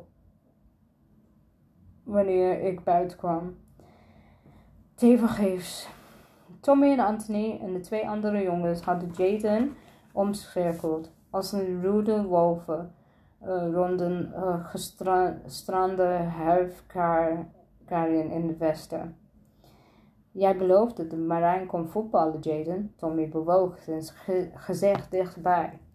Iedereen kan een bol missen, Tommy. Daarvoor had, jij toch goed gespeeld. Zelfs goal gemaakt door hem. Als het Nederlandse elftal een penalty mist bij het WK, zegt ook niemand dat het daarvoor goed gespeeld is hebben. Jaden, alleen die laatste actie telt en door Marijn hebben we de wedstrijd verloren. Maar, uh, maar ik ben Marijn niet. Ik kan toch niet aan doen dat hij niet kan schieten. Wat? Wat een schoft. Hij als hij zijn muil gehouden houden had, hadden wij hier niet gestaan. Ik had de neiging om Jaden zelfs een schop te verkopen. Jaden keerde zich uh, naar mij en riep: Help je me nog? Je helpt jezelf genoeg, gilde ik. Daar heb je mij helemaal niet bij voor nodig. Ik draaide mij van het misselijkmakende tafereel af en holde naar het hoofdgebouw. Achter mij hoorde ik Jaden gillen en toen stopte, stopte met gillen. Dat was nog erger. Ik schoot juffrouw Machteld aan in de gang, want ik kon het niet uiteindelijk niet verkropen dat Jaden in elkaar geslagen werd. Maar eenmaal buiten was iedereen verdwenen. Probeer je mij in de maling te nemen, Marijn? Echt niet, juffrouw. Ze waren hier. Ik hoorde Jaden schreeuwen. Ik ben meteen gaan halen. Terug in de klaslokaal bleek Jaden zich te hebben ziek gemeld. Tommy en Anthony zaten op hun plaats en deden alsof hun neus bloedde. Waar bleef je nou, juf? We willen graag les. Als mijn vader dat hoort, dan, uh, dat je ons alleen in de klas laat zitten zonder toezicht, dan flipt hij hoor. Tommy zette zijn grote ogen en keek de juffrouw onschuldig aan. Ze gebaarde mij te gaan zitten en vroeg naar Jaden. Waarom is hij ziek naar huis, Tommy?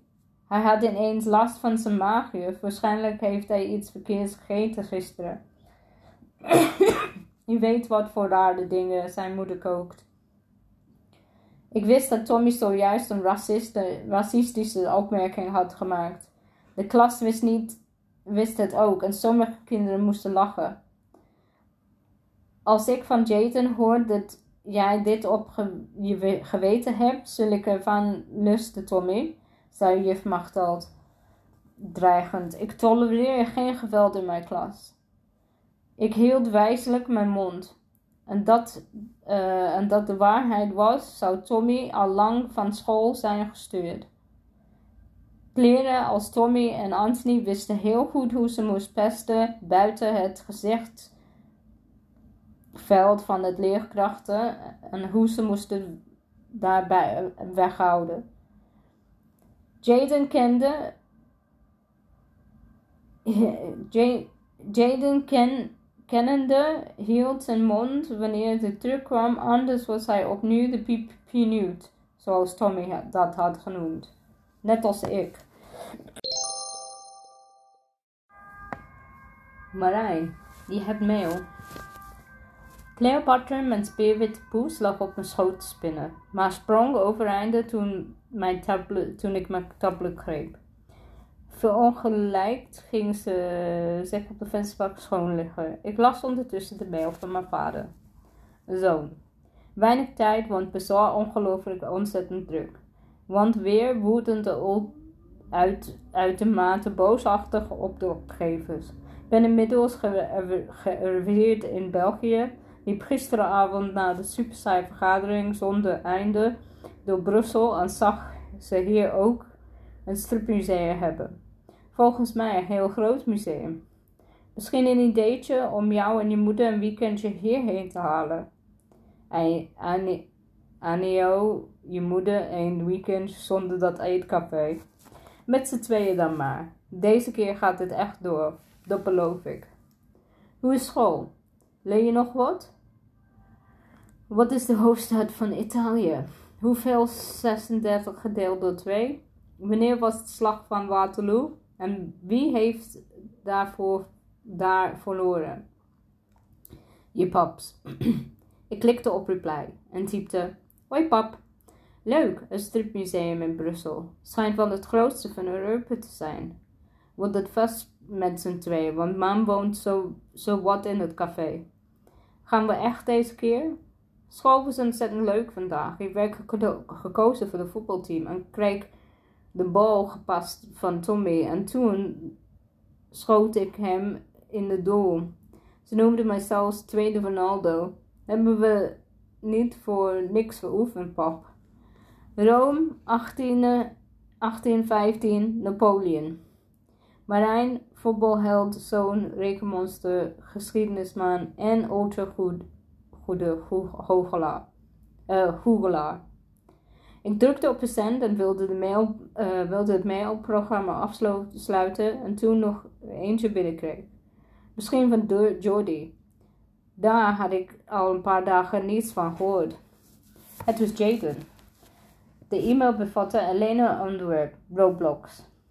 Ik mocht van mijn ouders nog steeds geen mobieltje, dus Jaden en ik gebruikten eh, de chatgedeelte van de Roblox game om met elkaar te praten. Ik startte het spel en koos voor jailbreak, zodat ik tijdens het gesprek kon gamen. Dat mocht officieel niet voor vijf uur, maar met een vader in het buitenland en een moeder opgesloten in de lunchroom, er was niemand die het merkte. M. Hoe gaat het? J. Wat denk je? Je wordt bedankt, eikel.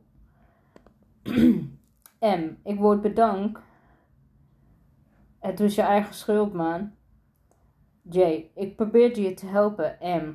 Heb ik dat daarom gevraagd? J. Waarom bent je weg? M. Om hulp te halen, maar jullie waren al weg. J. Je had de bal erin moeten schieten. M. Ik had een blak uit. Jee, nee, je stond te dromen. Je was met je gedachten heel ergens anders. Iedereen kon het zien. Je lijkt wel alsof je niet wilde winnen. Je wilde mij terugpakken of zo. Dat deed je expres. Ik startte naar de computerscherm. Hij had gelijk. Ik stond vanmorgen, vanmorgen inderdaad te dagdromen. Maar niet omdat ik wraak wilde nemen. Wat dacht hij wel? M. Heb je het zo erg te pakken genomen? Jee, Tommy heeft me een paar keer in mijn maag gestompt en de spugen vanmiddag. M, nee, uh, dat meen je niet. Ben je al naar de dokter geweest? Jee, en mijn ouders vertellen dat ik mekaar ben geslagen. Ik kijk wel, mijn vader schopt Tommy helemaal verrot. En je weet wat dat betekent. Ja, dat wist ik inderdaad. De laatste keer dat iemand Tommy had uh, aangepakt, was toen Rashid's oude broer hem had opgewacht na schooltijd. Hij had de pestkop een rotklap gegeven, waarop Tommy's vader de advocaat op Rashid's familie afstuurde en hij dreigde voor de rechter te slepen als ze geen smart, smarten geld zouden betalen. Uiteindelijk waren Rashid's excuses genoeg. M. We moeten iets doen om Tommy te pakken. Jaden, het wordt alleen maar erger op deze manier. J. We, ga je gang, ik doe niets meer. Ik heb genoeg geholpen. M. Oh, dat was helpen toen je tegen Tommy zei dat ik niet kon helpen uh, en hij, dat hij moest mij aanpakken. ik krijg geen reactie van Jaden meer. Jaden moest offline gaan. Ik startte naar mijn belscherm en startte het spelletje Jailbreak. Mijn leven was een grote gevangenis. Uitbreken kon ik alleen maar op de computer.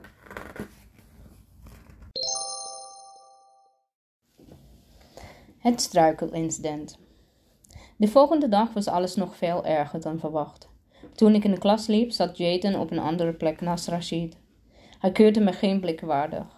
Er zat niets anders op voor, uh, voor mij om dan een lege tafeltje voor in te gaan zitten. Het was dat of naast Anthony plaatsnemen.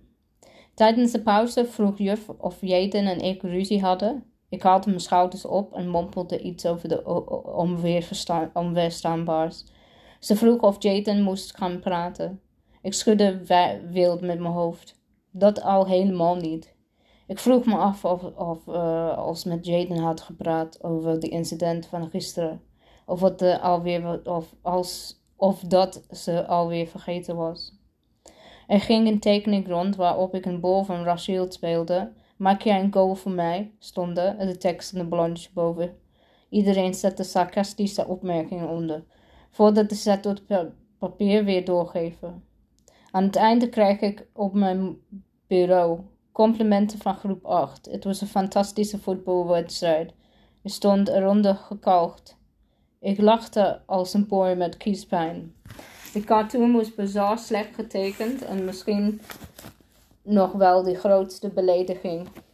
Na de volgende pauze werd ik uh, op de papierpropjes naar de mij gegooid en zelfs bananenschillen. Toen de juf vroeg over naar wie de dader was, iedereen hield een wijselijk de mondstuk, uh, mond dicht. Vijftien minuten later kreeg ik een fluim op mijn nek. Tommy had de hele klas gemobiliseerd en Chelsea en Jaden hadden, hielden zich afzijdig. De aanleiding voor het uitbarsting kwam toen ik de klas uitliep. Iemand stak met de rechtervoet uit en ik viel plat op mijn gezicht op de grond. Ik voelde de bloed uit mijn neus lopen. Woedend krabbelde ik overeind om te zien wie er zo laf was geweest. Ik keek recht in het gezicht van Jaden.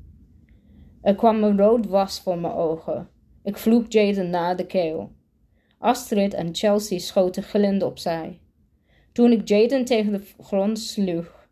Je vuile verrader.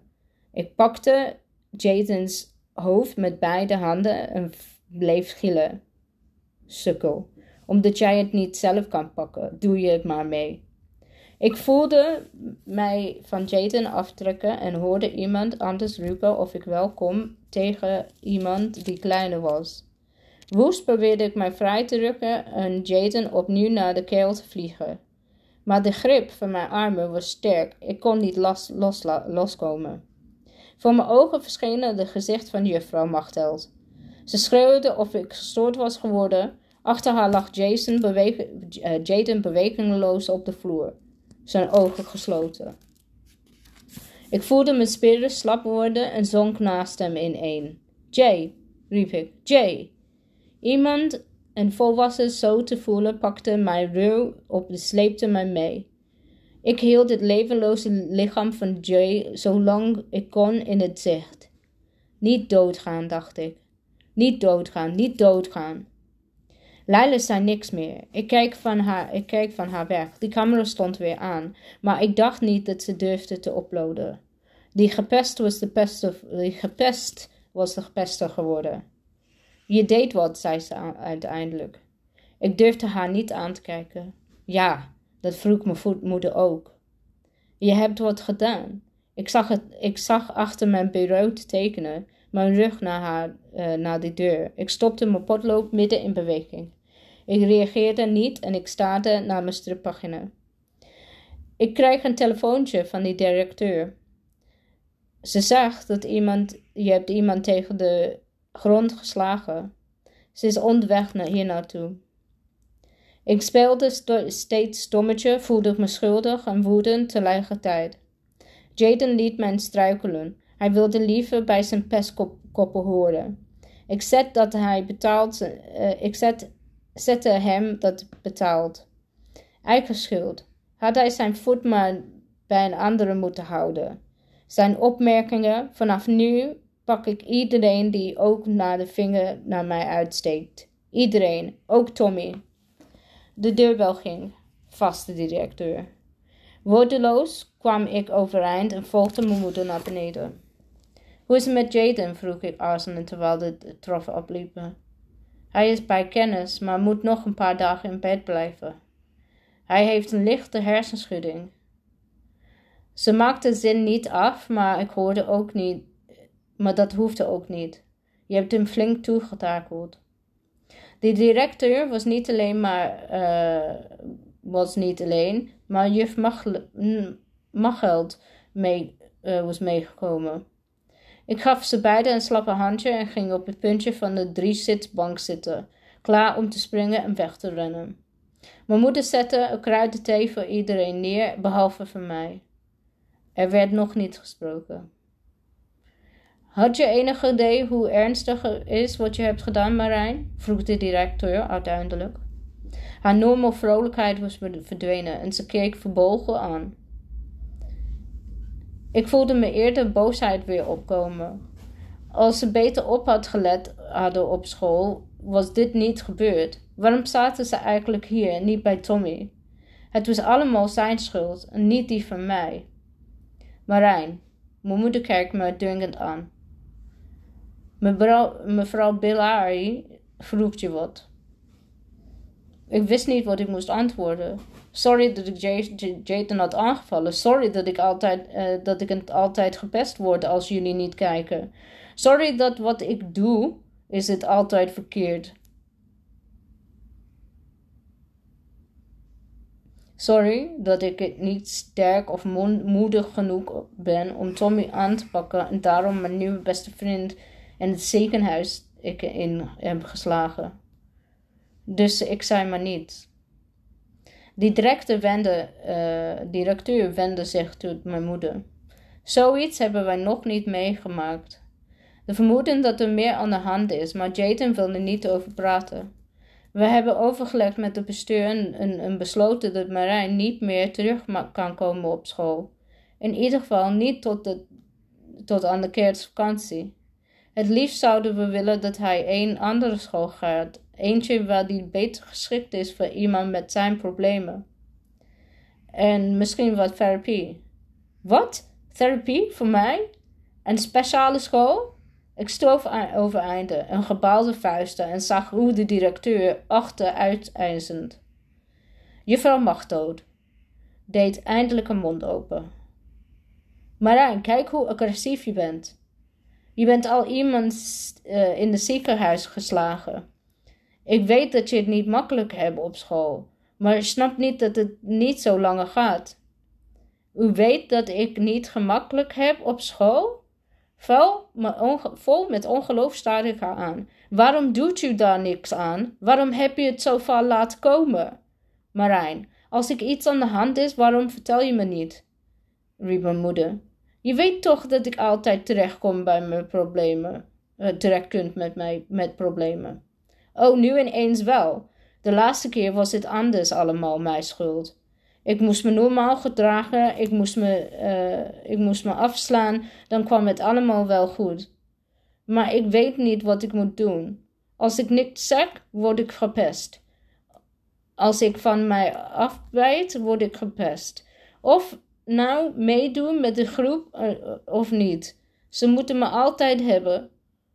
Het maakt me niet uit wat ik doe. Ik zonk in een in de stoel en begon te huilen, met mijn hoofd in mijn handen. Die tranen stroomden tussen mijn vingers door.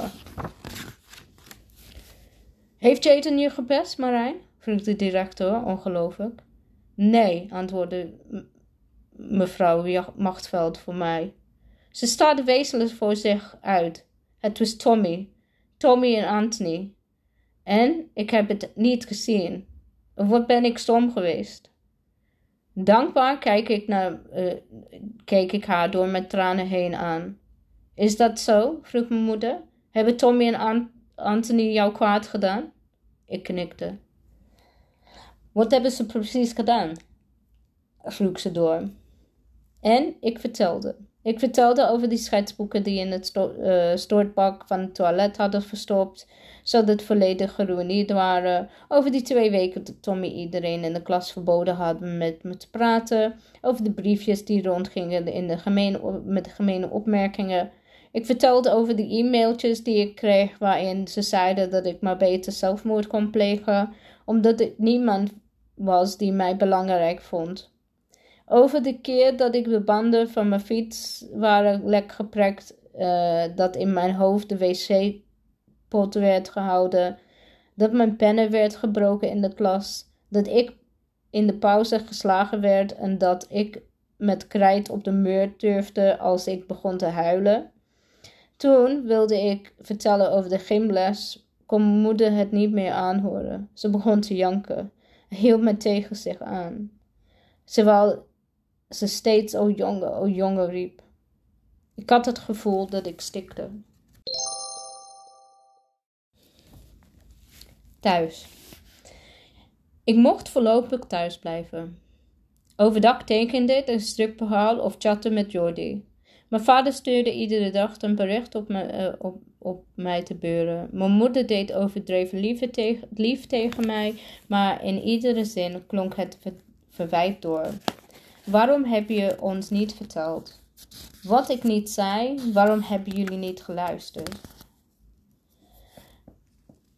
Na anderhalf week kwam de directeur weer op bezoek. Ik zag vanuit het, mijn zolderraam haar auto stappen en wilde al naar beneden lopen toen mijn moeder kwam vertellen dat de directeur eerst apart met haar wilde praten. Ze zou mij erbij roepen als ze klaar waren. Waarom dat nou weer? Het ging toch over mij. Waarom mocht ik niet bij zijn? Eigenwijs ging ik toch naar beneden en gaf mevrouw Behaardi een ferme handdruk. Marijn, ga je naar je slaapkamer? We roepen je als... We roepen je zo. Schudde mijn hoofd en ging op de grond zitten. Mokken. Marijn, Boos stormde ik de trap op. Belachelijk. Eerst klagen dat mijn mond niet open en daarna er buiten houden alsof het niet over mij ging. Ik aarzelend. Rende de trap, de trap op en sloop de deur uh, en daarna op de kousenvoeten terug naar de trap uh, gaat op de tussenverdieping. Als ik lang uit op de grond ging liggen, kon ik precies het gezicht van moeder zien in de woonkamer. Als ik heel rustig ademde, kon ik de directeur zachtjes horen praten.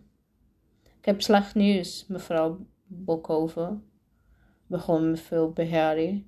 Dus ik zeg dat het maar meteen. Tommy en Anthony ontkennen alles. Volgens Tommy's ouders is Marijn een fantasist die enorm bekend staat om dingen die verzint om aandacht te krijgen. Ze dreigen de school voor de rechter te dagen en wij hebben geen, als we geen bewijs hebben. De rest van de klas zegt dat ze nooit iets hebben gezien en uh, dat op beste wijst. We vermoeden dat ze bang zijn van, uh, dat ze zelf slachtoffer worden. Ze zuchten. Het is niet dat we Martijn niet, Marijn niet geloven. Begrijpt u ons alstublieft goed. Maar zonder bewijs kunnen we helaas niets doen. Wat? Mijn adem stokte. Die afgelopen anderhalf week had ik eindelijk een idee gekregen dat Tommy aangepakt zou worden. En nu dit? Mijn moeder was duidelijk net zo verontwaardigd. Dit kunt je niet menen, riep zij. Met alle respect, maar het is de fout van de school dat het zo ver is gekomen. Mijn man heeft op internet gekeken dat jullie daar staat dat een school pestprotocol moet hebben. Jullie hebben niets.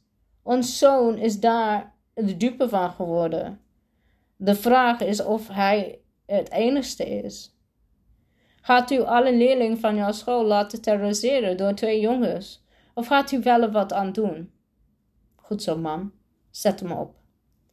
De directeur, werd, uh, directeur nam weer het woord. Ik verzeker u dat vanaf nu uh, wat verandert. Mevrouw van Bokhoven. Marijn is treurig komen en uh, garandeer u dat wij hem voortaan in de gaten zullen houden. Misschien is het wel een idee dat u zo'n voortaan naar school brengt en ophaalt, zodat hem onderweg, niet kan overkomen. Wij waarborgen zijn veiligheid op de school. Natuurlijk wil ik dat doen, maar dat gaat er niet om, antwoordde mijn moeder. Maar wij moeten ons aanpassen aan die twee jonge psychopaten. Dat valt toch niet goed te praten, mevrouw Behari. Er wordt nog iets anders wat u moet weten. Tommy's ouders gaan scheiden en daarvan is hij overstuur. Eh, wij vermoeden dat. Ik stond op en stompte de trap op, uh, op naar mijn zolderkamer. Ik kon me niet schelen of, uh, of ze mij hoorden. Ik had genoeg gehoord. Was dat onzin over scheiden? Dat toch geen reden was om continu om aan te pakken. Gewoon een excuus om niet hoeven te doen. Ze gingen mij voortaan in de gouden haten. misschien is dat aantal dagen zou helpen. Als geluk had het zelfs aantal weken. Maar na een tijdje de uh, zou de aandacht versla, verslappen. En op een gegeven moment zou ik alleen zijn met Tommy, zonder iemand in de buurt. Dan nam hij wraak. Zo eenvoudig was dat. Op mijn kamer pakte ik mijn tablet en tikte pesten in. Tientallen websites kwamen tevoorschijn, vol met tips voor leerlingen, ouders en scholen. En ook pestprotocol dat mijn moeder noemde. Er was een forum waarop kinderen hun verhalen kon vertelden. Ik klikte erop. Daar had ik beter niet kunnen doen. Anderhalf uur later zat ik met tranen in mijn ogen naar de beeldscherm te kijken. Ik dacht dat ik het erg had. Maar als ik deze verhalen echt waren uh, gebeurd, en waarom zou ik niet en waarom zouden ze dat niet zijn? Dan had ik het nog relatief gemakkelijk gehad op school. Er stond een verhaal over een meisje die zo erg gepast wordt dat ze zichzelf begon te sneden. Haar moeder wist van niets. In Zuid-Duitsland was een jongen zo erg gepast pest door zijn klasgenoten dat, het, dat die zelfs drie pestkoppen uh, naar de gevangenis waren gestuurd. De sitebeheerder van de krantenbericht is online gezet. schoolklas voor de rechter van, de, mishandeling. In Duitsland staat de hele klas terecht voor mishandeling van een scholier. Die werden maandenlang geslagen en geschopt. Die daders filmden de mishandelingen en weer de internet te verkopen. De jongen werd onderworpen aan allerlei vernederingen. Uh, hij moest onder meer zijn tanden poetsen met staalborstel en niet veel, heel veel klappen incasseren. De hele klas en de slachtoffer moesten getuigen voor de rechtbank. Op eentje na hadden alle leerlingen schuld bekend. En die kan van de middelbare school kwam achter dat de mishandeling het slachtoffer heeft nooit iets durven zeggen. Hij is van school af en zit nu in therapie. Het tweede bericht was ook een paar weken later. Zelfstraf voor de kinderen op Martelklas. Drie scholieren uit, Duits, uh, uit de Duitse Hildesheim zijn tot gevangenisstraffen van 14 tot 18 maanden. Wegens het martelen van een 17-jarige klasgenoot. Zes andere betrokken leerlingen kregen in verband met de leeftijd voorwaardelijke straffen, jeugdarrest en taakstraffen. De hele klas met die leerlingen was aangeklaagd, maar enkel verdachten gingen vrij, van, vrij uit, omdat zij uitsluitend toe, uh, toekeken. Het slachtoffer moest meer en een staalborstel. Het slachtoffer moest onder meer met, een staalborstel uh, zijn tanden poetsen. En hij werd hard geslagen. Hij is van school af en is onder behandeling van een psycholoog. Onvoorstelbaar. En niemand had iets gezien. Kan zoiets in Nederland gebeuren? Waarom niet? Als mensen zoals Tommy ongestraft hun gang kunnen gaan, wie weet hoe ver het zullen gaan. Niemand stopt hen. Waarom zouden, zich, uh, vanuit het, uh, waarom zouden ze dan uit zichzelf stoppen? Ik kwam een quote tegen van Martin Luther King. Die schreef ik op. Het ging over mensen die niet doen om anderen te helpen. Een idee begon te borrelen al een gedachtenwolk in de stippelhaal. Maar ook werd getrokken door een andere onderwerp op het forum. Beste wat je er tegen kunt doen, heette het. Ik pakte een pen en papier en begon te lezen en aantekeningen te maken. Want ineens wist ik wat ik moest gebeuren. Die volgende dag stuurde ik een e-mail naar mijn ouders, mijn juffrouw en de schooldirecteur. Ik had de hele nacht aan gewerkt. Ik had Jaden en Jordy erbij gezet. Dit ging tenslotte ook aan hen. Beste juffrouw Machtveld, mevrouw Beherie, lieve papa en mama. Hoi Jordy, hoi Jaden. Zoals jullie weten ben ik de afgelopen jaren vreselijk gepest. Eerst op de roken regenboog en nu op de wegwijzer. Ik heb altijd gedacht dat het mijn school was, stiekem denk ik dat nog steeds, omdat anders was ik dan die anderen. Net zoals Jordy die gepest wordt omdat hij rood haar heeft en sproetjes en Jaden omdat hij stotterde. Het pesten werd zo erg dat ik zelfs mijn beste vriend neer heb geslagen omdat hij meedeed. Nu weet ik dat ik daar niets heeft uh, aan kunnen doen, want omdat mensen die gepest worden vaak meedoen. Ze hopen dan zelf niet meer gepest te worden. Jaden, het spijt mij enorm dat ik je geslagen heb. Wilde eigenlijk Tommy slaan, maar dat durfde ik niet. Toen pakte ik jou, omdat jij mij liet struikelen. Dat was stom en ik vergeef mezelf nooit. Ik heb de hele nacht alle, allerlei websites gekeken over pasta. Allemaal zeggen hetzelfde: dat ik nog steeds veel kinderen worden gepest op scholen. Meestal buiten het zicht van ouders en leerkracht. Eén op de vier leerlingen, dat zijn veel meer dan je, ik had verwacht.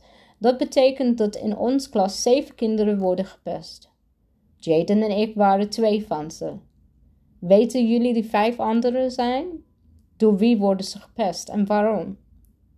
Ik heb vanmiddag mevrouw en mama afgeluisterd. Sorry, mam. Mevrouw Beheer zei dat ik niets kon doen op school, omdat er geen bewijzen had. Maar dat is niet waar. Ze kunnen wel wat. Er is een hele lijst gemaakt met wat scholen kunnen doen. Jaden en Jordy zitten hier ook moeilijk, uh, zitten wat moeilijke woorden in, die ik heb gekopieerd heb. Bijvoorbeeld vijf sporen aanpak. Een moeilijke woord voor vijf stappen die je moet nemen. Ik had een, schemer, uh, een schemertje gemaakt en de vijf stappen onder elkaar. Ik had een verschillende websites gehaald en de volgorde veranderd, soms per site, maar de inhoud was over het algemeen hetzelfde. Stap 1. Hulp aan de pester. Dit vond ik eerst heel moeilijk. Hoe zou zo de pester geholpen worden? Die heeft toch gepest. Maar volgens de deskundigen zijn pesters ook zielig, omdat ze thuis vaak problemen hebben. Zoals Tommy, omdat ze ouders gaan scheiden. Ik vind dat best zielig voor Tommy, maar hoor, het uh, is nog geen reden of, om mij of Jaden te mishandelen. Maar als het goed is, worden wij niet meer gepest als Tommy zich niet ongelukkig voelt. Dus dat is oké. Oh ja, hij moet ook gestraft, worden. Gelukkig. Stap 2. Mobiliseren van de zwijgende meerderheid. Deze vond ik nog wel moeilijker, want dat is de zwijgende meerderheid. En wat is mobiliseren? Nou, dat is dus andere kinderen dat moeten beweging worden, uh, in beweging worden gebracht. Die niet zeggen omdat ze niet durven, omdat anders zelf worden gepest of omdat het druk met zelf bezig zijn dat niks opmerkt. We kunnen bijvoorbeeld een anti-pestverdrag maken in het hele klas. Daarin beloven we en dat we elkaar zullen lastigvallen. En dat we als we zien dat iemand gepest wordt, meteen iemand erbij haalt. Of, of als ze met z'n allen omheen gaan staan of zo. Of gaan roepen, blijf van hem af. Of haar. Er worden zoveel meisjes ook gepest, heb ik gelezen. Vooral door andere meisjes. Stap 3. Achtergrondinformatie oorzaken, gevolgen, signalen, oplossingen en leerkrachten. En stap 4: achtergrondinformatie aan het wiezen aan je ouders. Betekent dat jullie, niet Jaden en Jordy, maar ouders en leerkracht, moeten meer weten over pesten en pesters op school. En niet net moeten doen alsof het niet bestaat. Zijn jullie ook nooit gepest als kind? Nou dan. Stap 5. Hulp aan de slachtoffer. Dit zijn wij dus. Ik, Jaden, Jordy. We moeten leren hoe wij moeten met pesten omgaan. En, het, en dat het niet ons schuld is dat we rood haar hebben, of stotterders, of anders zijn. We kunnen ook op judo of weerbaarheidstraining. Eigenlijk vind ik nog steeds uh, dat dit punt 1 moet zijn, maar ik heb er niet voor gestudeerd. Nou, dat was het. Oh ja, en ik heb een poster gemaakt om mijn school op te hangen, zodat de kinderen die gepest worden weten waar ze naartoe moeten. Die poster zit een attachment aan deze e- e-mail. Ik hoop dat jullie hem mooi vinden. Pap, misschien kun je een paar uitprinten en misschien mag ik ze dan op school hangen van juffrouw Machtheld en mevrouw Behari. Met ontzettend veel vrienden groeten. Marijn van Bokhoven, ex-gepeste leerling. Ik drukte op verzend en hoopte dat het allemaal goed zou komen.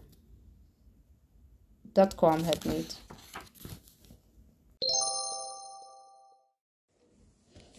Een kat in de nauw. Help, Katman, help, zei ik. Ik keek de kast rond. Was het doodstil. Ik was erg zenuwachtig geweest toen juf macht had me gevraagd om een spreekbeurt over pesten te houden in de klas.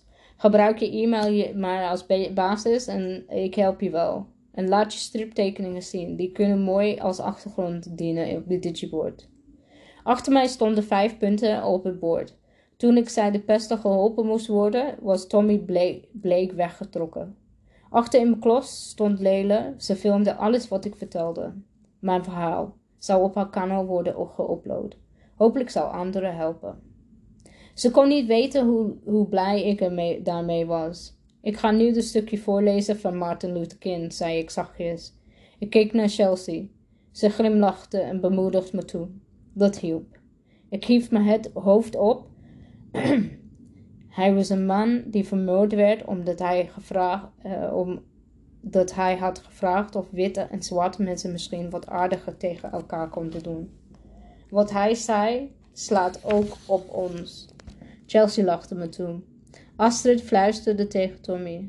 Voor het slagen van kwaad is er niets anders nodig dan het goede mens niets te doen, begon ik.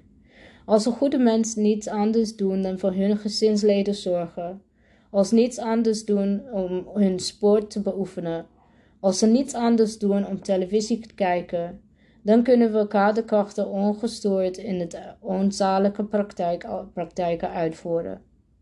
Hierbij kijken de klas even aan.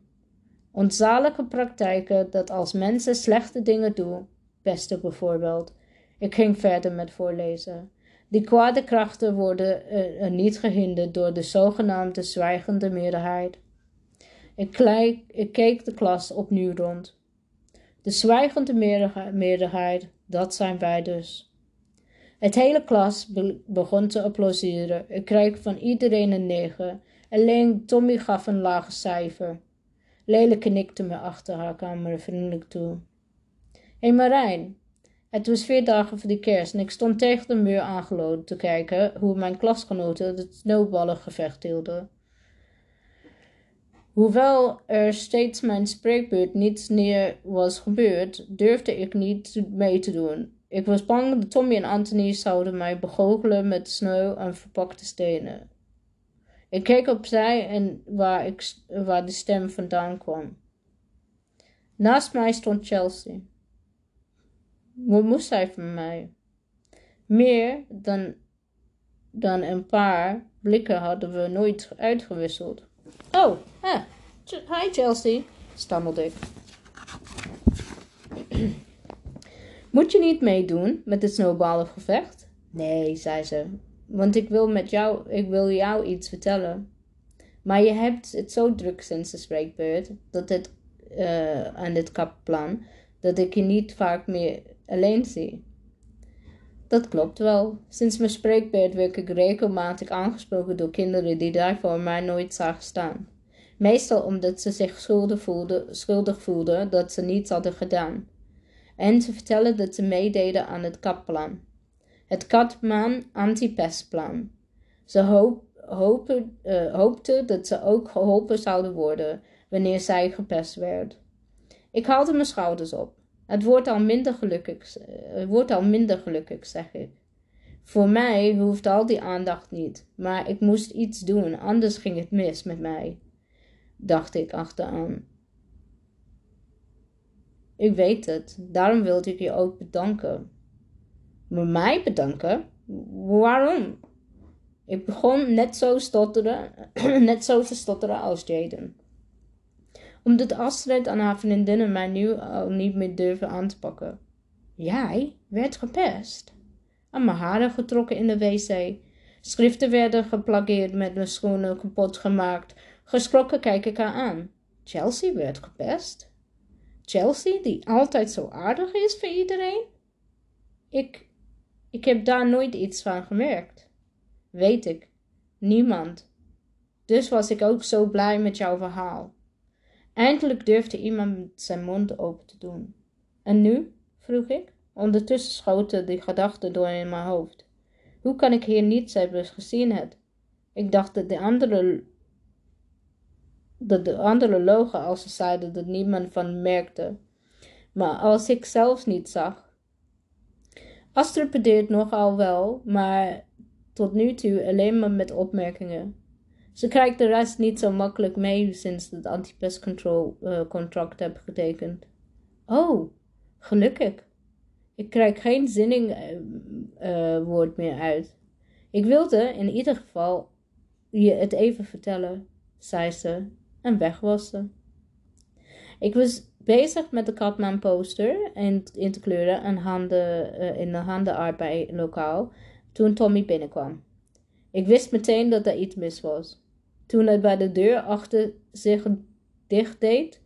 Superheld Marijn, zei Tommy zachtjes. Ik stond de broek op en de kleurpotloten op de grond laten vallen. Eikel, je moet altijd zorgen dat er iemand bij je is. Maar mijn ogen schoot heen en weer. Tommy had de goede plek uitgekozen. Het ram keek uit, uh, keek uit op het grasveld en niet, op het schoolplein. De enige die ons konden zien waren de vogels.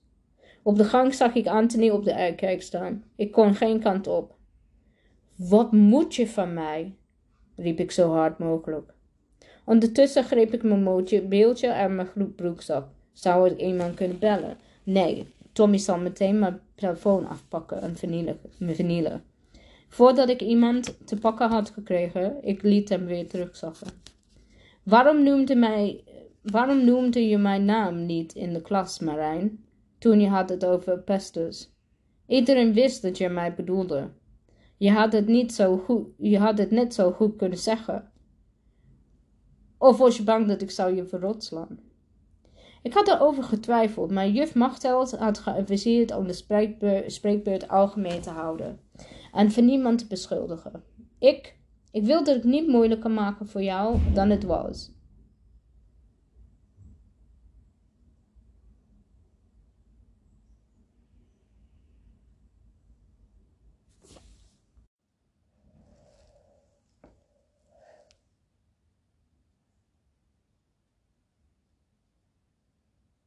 Ik wilde het niet moeilijker maken dat het was met je vader of zo, ik. Hou toch eens op over mijn vader. Hij kwam dreigend op, uh, op mij af en deinsde, uh, ik deed, deinsde achteruit. Ik stammelde. Ik weet wat je ouders gaan scheiden en dat je je daarom mij, op mij afreageert. Wat nou afreageert? Ik pak je omdat je een eikel bent. Omdat niemand uh, je moet. Je verdient het gewoon om geslagen te worden, weet je. Er bestaan twee soorten mensen: wolven en schapen. En jij bent een schap. Oh, schreeuwde. En jij bent zeker een wolf als je vader. Tegen je loopt uh, schelden en slecht voor, dat je slecht voetballer bent. Of dat je niet genoeg bent om de, winkel over te nemen. Maar dat hij, eh, dan had hij niemand anders heeft. Hoe weet je dat? Ik sla je muil dicht, jij vuile Gekrijs klonk het buiten van het uh, lokaal. Tommy en ik keken opzij en zagen Anthony en Astrid samen met Chelsea beetgrepen. Ze worstelde om los te komen, maar maakte geen kans tegen die twee meelopers. Ik wilde, naar, uh, ik wilde naar de deur snel, maar Tommy blokkeerde de weg. Je gaat nergens heen, katman. Niet voordat ik je laatste lesje heb geleerd. Hij stak zijn hand in zijn broekzak en hij haalde iets uit. Het was een zakmes. zakmes. Tommy klepte de mes uit en ik maakte een sprong van schrik. Tommy, doe die mes weg. Ben je gek geworden? Ik ben trots op mijn vader. Hij stak zijn arm uit en liep met de mes al op me af. Je vader is een bullebak en die, die zijn personeel en zijn vrouw en zijn kind uitschouwt, Tommy, schreeuwde ik. Tommy stoorde op me af. Met het zakmes in, het, in de aanslag. Ik viel achterover. Ik viel achterover over een stoel en knalde hard mijn hoofd op de vloer. Auw! Tommy boog zich over me heen en verstaarde toen ik achter hem uh, de kreet klonk. Help, Catman, help! Voor het raam, op het grasveld, stonden Jaden en Rashid op het raam te bonken, te gillen. Help, Catman, help! Binnen enkele seconden stroomde het veld vol met kinderen uit alle klassen. Tientallen jongens en meisjes schilden uit volle boorstrijdkreet waarmee ik mijn spreekbeurt was begonnen. Ik zag hoe jij eerst Jaden en daarna Rashid hun telefoon tevoorschijn haalde en opeens begon te filmen. Toen volgden de andere kinderen met de mobieltjes. Even later stond het heel leger van kinderen met de camera's op ons strijd vast te leggen. Tommy verborg gauw zijn zakmes achter de rug. Nu kon mevrouw Bihari niet meer zeggen dat er geen bewijs was. Ik kwam moeizaam, moeizaam overeind en zag juffrouw Machteld in de gang komen rennen. Nog even, dan was het in het handenarbeidslokaal. Chelsea werd door Anthony en Astrid losgelaten en, snelde, eh, en ze snelde op ons juffrouw af. We hadden slechts enkele seconden de tijd. Tommy, geef mij het mes. Wat? Geef mij het zakmes. Als je daarmee betrapt, ga je misschien de gevangenis in. Maar Tommy keek me beduusd aan. Waarom? Waarom help ik je, bedoel ik? Ik heb geen idee, eerlijk niet. Tommy, maar als een goede mens niets doet, ik liet de rest van de zin uit, onuitgesproken. Tommy klapte zijn zakmes dicht en overhandigde het aan mij. Ons juf was inmiddels in het klaslokaal binnengestormd. Mijn klasgenoten keken adem, ademloos toe door de ramen. Ik hoopte maar dat de mes niet gefilmd hadden. Ik stak mijn achterzak. Tommy met het boord, jij zit diep in de problemen, slingerde juffrouw Machteld in, uh, in zijn gezicht. Tommy boog het hoofd en schuifde uit het lokaal. Chelsea kwam op me afstormen om, omhelsde mij. Om Marijn, is alles goed met je? Ik zag hoe Tommy om jouw kant opkomen en ik probeerde je te waarschuwen, maar Astrid, ik stammelde dat alles goed was. Het mes brandde, brandde in mijn zak. Daar moest ik snel van afzien te komen. Ineens drong het mij door dat in de omhelzing stond met Chelsea. Ik voelde hoe rood ik werd. Ik. De juffrouw redde mij. Alles goed, Marijn? Ik knikte. Geen zwijgende meerheid meer, juf? Nee, Marijn. Hier wordt het niet meer gezwegen. Nooit meer. Gedreven liepen klaslokaal uit, waar de werden opgewacht door de joelende meerderheid. Die vanaf het veld en de school binnengesneld. Marijn, vroeg de juf, terwijl ze mij apart nam. Rashid had het over de Tommy een mis bij zich had. Weet je daar iets van? Nee, juf. Hij had wel een kleurpotlood. De, uh, hij had wel een kleurpotlood van de grond gepakt. Misschien is dat wat Rashid had gezien. En heeft daarom dacht dat hij een mes zag. Ze keek van mij opzij aan, maar besloot niet verder te vragen.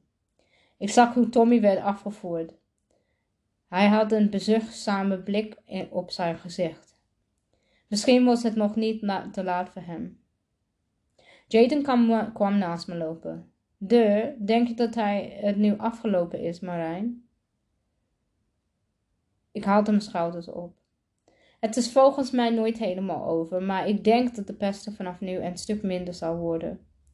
En je ziet, als iedereen ingrijpt, kunnen ze geen kant op meer. Maar mooi, dat kunnen we eindelijk verder gaan met onze strip. Katman en Stotterman. Mag ik meedoen? vroeg Chelsea. Dan ben ik Skate Girl. Ach ja, waarom niet? Een superheldenteam die tegen pestes vecht. De X-Men moesten voortaan oppassen. Brussel. Ik las op YouTube het commentaar van het interview dat Leila had afgenomen. Het meeste was positief. Sommige mensen bedankten me, vertelden ze dat de filmpjes in ons klas hadden laten zien en duidelijk gesproken was over pestgedrag. Niet iedereen reageerde, sommigen vonden het dat ik over mezelf uh, afgeroepen had, anderen noemden me een leugenaar en een aandachtstrekker en ergere dingen. Leila had me ervoor gewaarschuwd en toch raakte het me meer aan dan ik had gehoopt. Een rotopmerking steekt meer dan honderd complimenten. Wat ben je aan het doen? vroeg Chelsea toen ze mijn kamer binnenkwam. Niks, zei ik. Ik sloot snel YouTube af. Een beetje tekenen. Ga je mee? vroeg ze. We, we, vertrekken zo. Ga voor, ik ben nooit naar Brussel geweest. Het is het grootste stripmuseum van de hele wereld, pochte ik. Terwijl, ik terwijl we samen elkaar uitliep. En, zo, eh, en ooit zal mijn tekening ooit daar hangen. Chelsea moest lachen. Word je maar lekker stripmaker, zei, dan ga ik als eerste Nederlandse vrouw de ruimte in. Nu lach ik. Deel, reageerde ik enthousiast. En dan maak ik een stripverhaal over je. Ze stak haar, haar arm in die van mij. Ik haalde diep adem. Wie weet kwamen al onze dromen uit. Het kon. Een nieuwe leven was begonnen. Mijn leven. De toekomst lag nog helemaal open. Ik ben Katman. De donkere schema op het dak van de school, laag ontspannen op zijn rug naar de volle maan te kijken. Een enkele nachtvogel vloog voorbij, maar Katman keek niet op. Hij waakte over de school. Hij waakte over de kinderen en hij waakte over de beurt. Maar vanavond was het rustig. Vanavond hoefde hij niets te doen. Niet in te grijpen. Vanavond kon hij rustig slapen. Hij hoefde nergens bang voor zijn. Een vogeltje landde op zijn kop en pikte in zijn neus. Hij liet het begaan.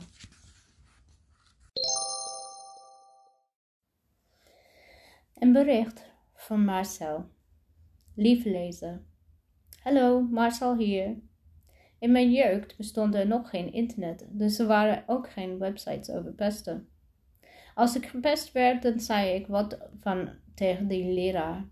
Die gaf me die, die, gaf, de, gaf de pesten een standje in het klas en dat was het. Daarna werd ik meestal na schooltijd opgewacht, omdat ik verraden zou zijn. De volgende keer hield ik natuurlijk wijselijk mijn mond dicht en als ik weer eens een lange uh, langs kreeg. Toen het echt te erg werd, veranderde ik van, ik van school. Waarna dit hele circus opnieuw begon. Dat duurde totdat ik een jaar of zestien was. Daarna was het eindelijk over. Maar niet in mijn hoofd. Het duurde nog wel tot mijn dertiende voordat ik eh, meer terugdacht aan mijn niet zo erg leuke jeugd. Toen was ik niet helemaal ongelukkig. Net als Marijn tekende, ik viel Spider-Man was mijn favoriete superheld en ik las iedere dag een boek. Daarmee verdween ik in het andere wereld. Eentje waarin ik de held was. Hoewel er tegenwoordig veel scholen zijn waar pest direct wordt aangepakt, zijn er helaas heel veel scholen waar je nauwelijks terecht kunt. Gelukkig is het internet, waar te veel informatie uh, erover staat en zijn er nummers die je kunt bellen. Maar helaas heeft door hetzelfde internet het pesten en veiligen van, uh, van andere vorm aangenomen. Anonieme pesters. Mensen die veilig achter hun computerscherm haatberichtjes sturen. Dat is absoluut een nieuw probleem. Marijn is deels op mij gebaseerd en veel van wat hij heeft meegemaakt heb ik ook beleefd. Helaas. Toch ben ik redelijk goed uh, uitgekomen. Dat wil niet zeggen dat dit oplossing voor, uh, voor heb als je gepest wordt. Ik denk niet dat het een simpele oplossing is. Maar wat ik weet is dat de, eh, de, mond houden erover gebeurt alleen de pesten. Het, het helpt de pesten alleen. Hij of zij kan dan ongestraft doorgaan. Niemand die hem of haar stopt. Dus, wat je ook doet, laat je niet bij zitten. Praat met iemand. Bel de kindertelefoon. Praat met je ouders, je voogdij, je leerkracht of de directeur van de school. En als je ziet dat iemand gepest wordt, haal er meteen iemand bij. Laat het niet passeren, omdat jij het doelwit niet bent. Denk maar aan Martin Luther King. Voor het slagen van het kwaad is niets anders nodig dan een goede mens niets dat goede mensen niets doen. Doe iets. Liefs Marcel van Dreel.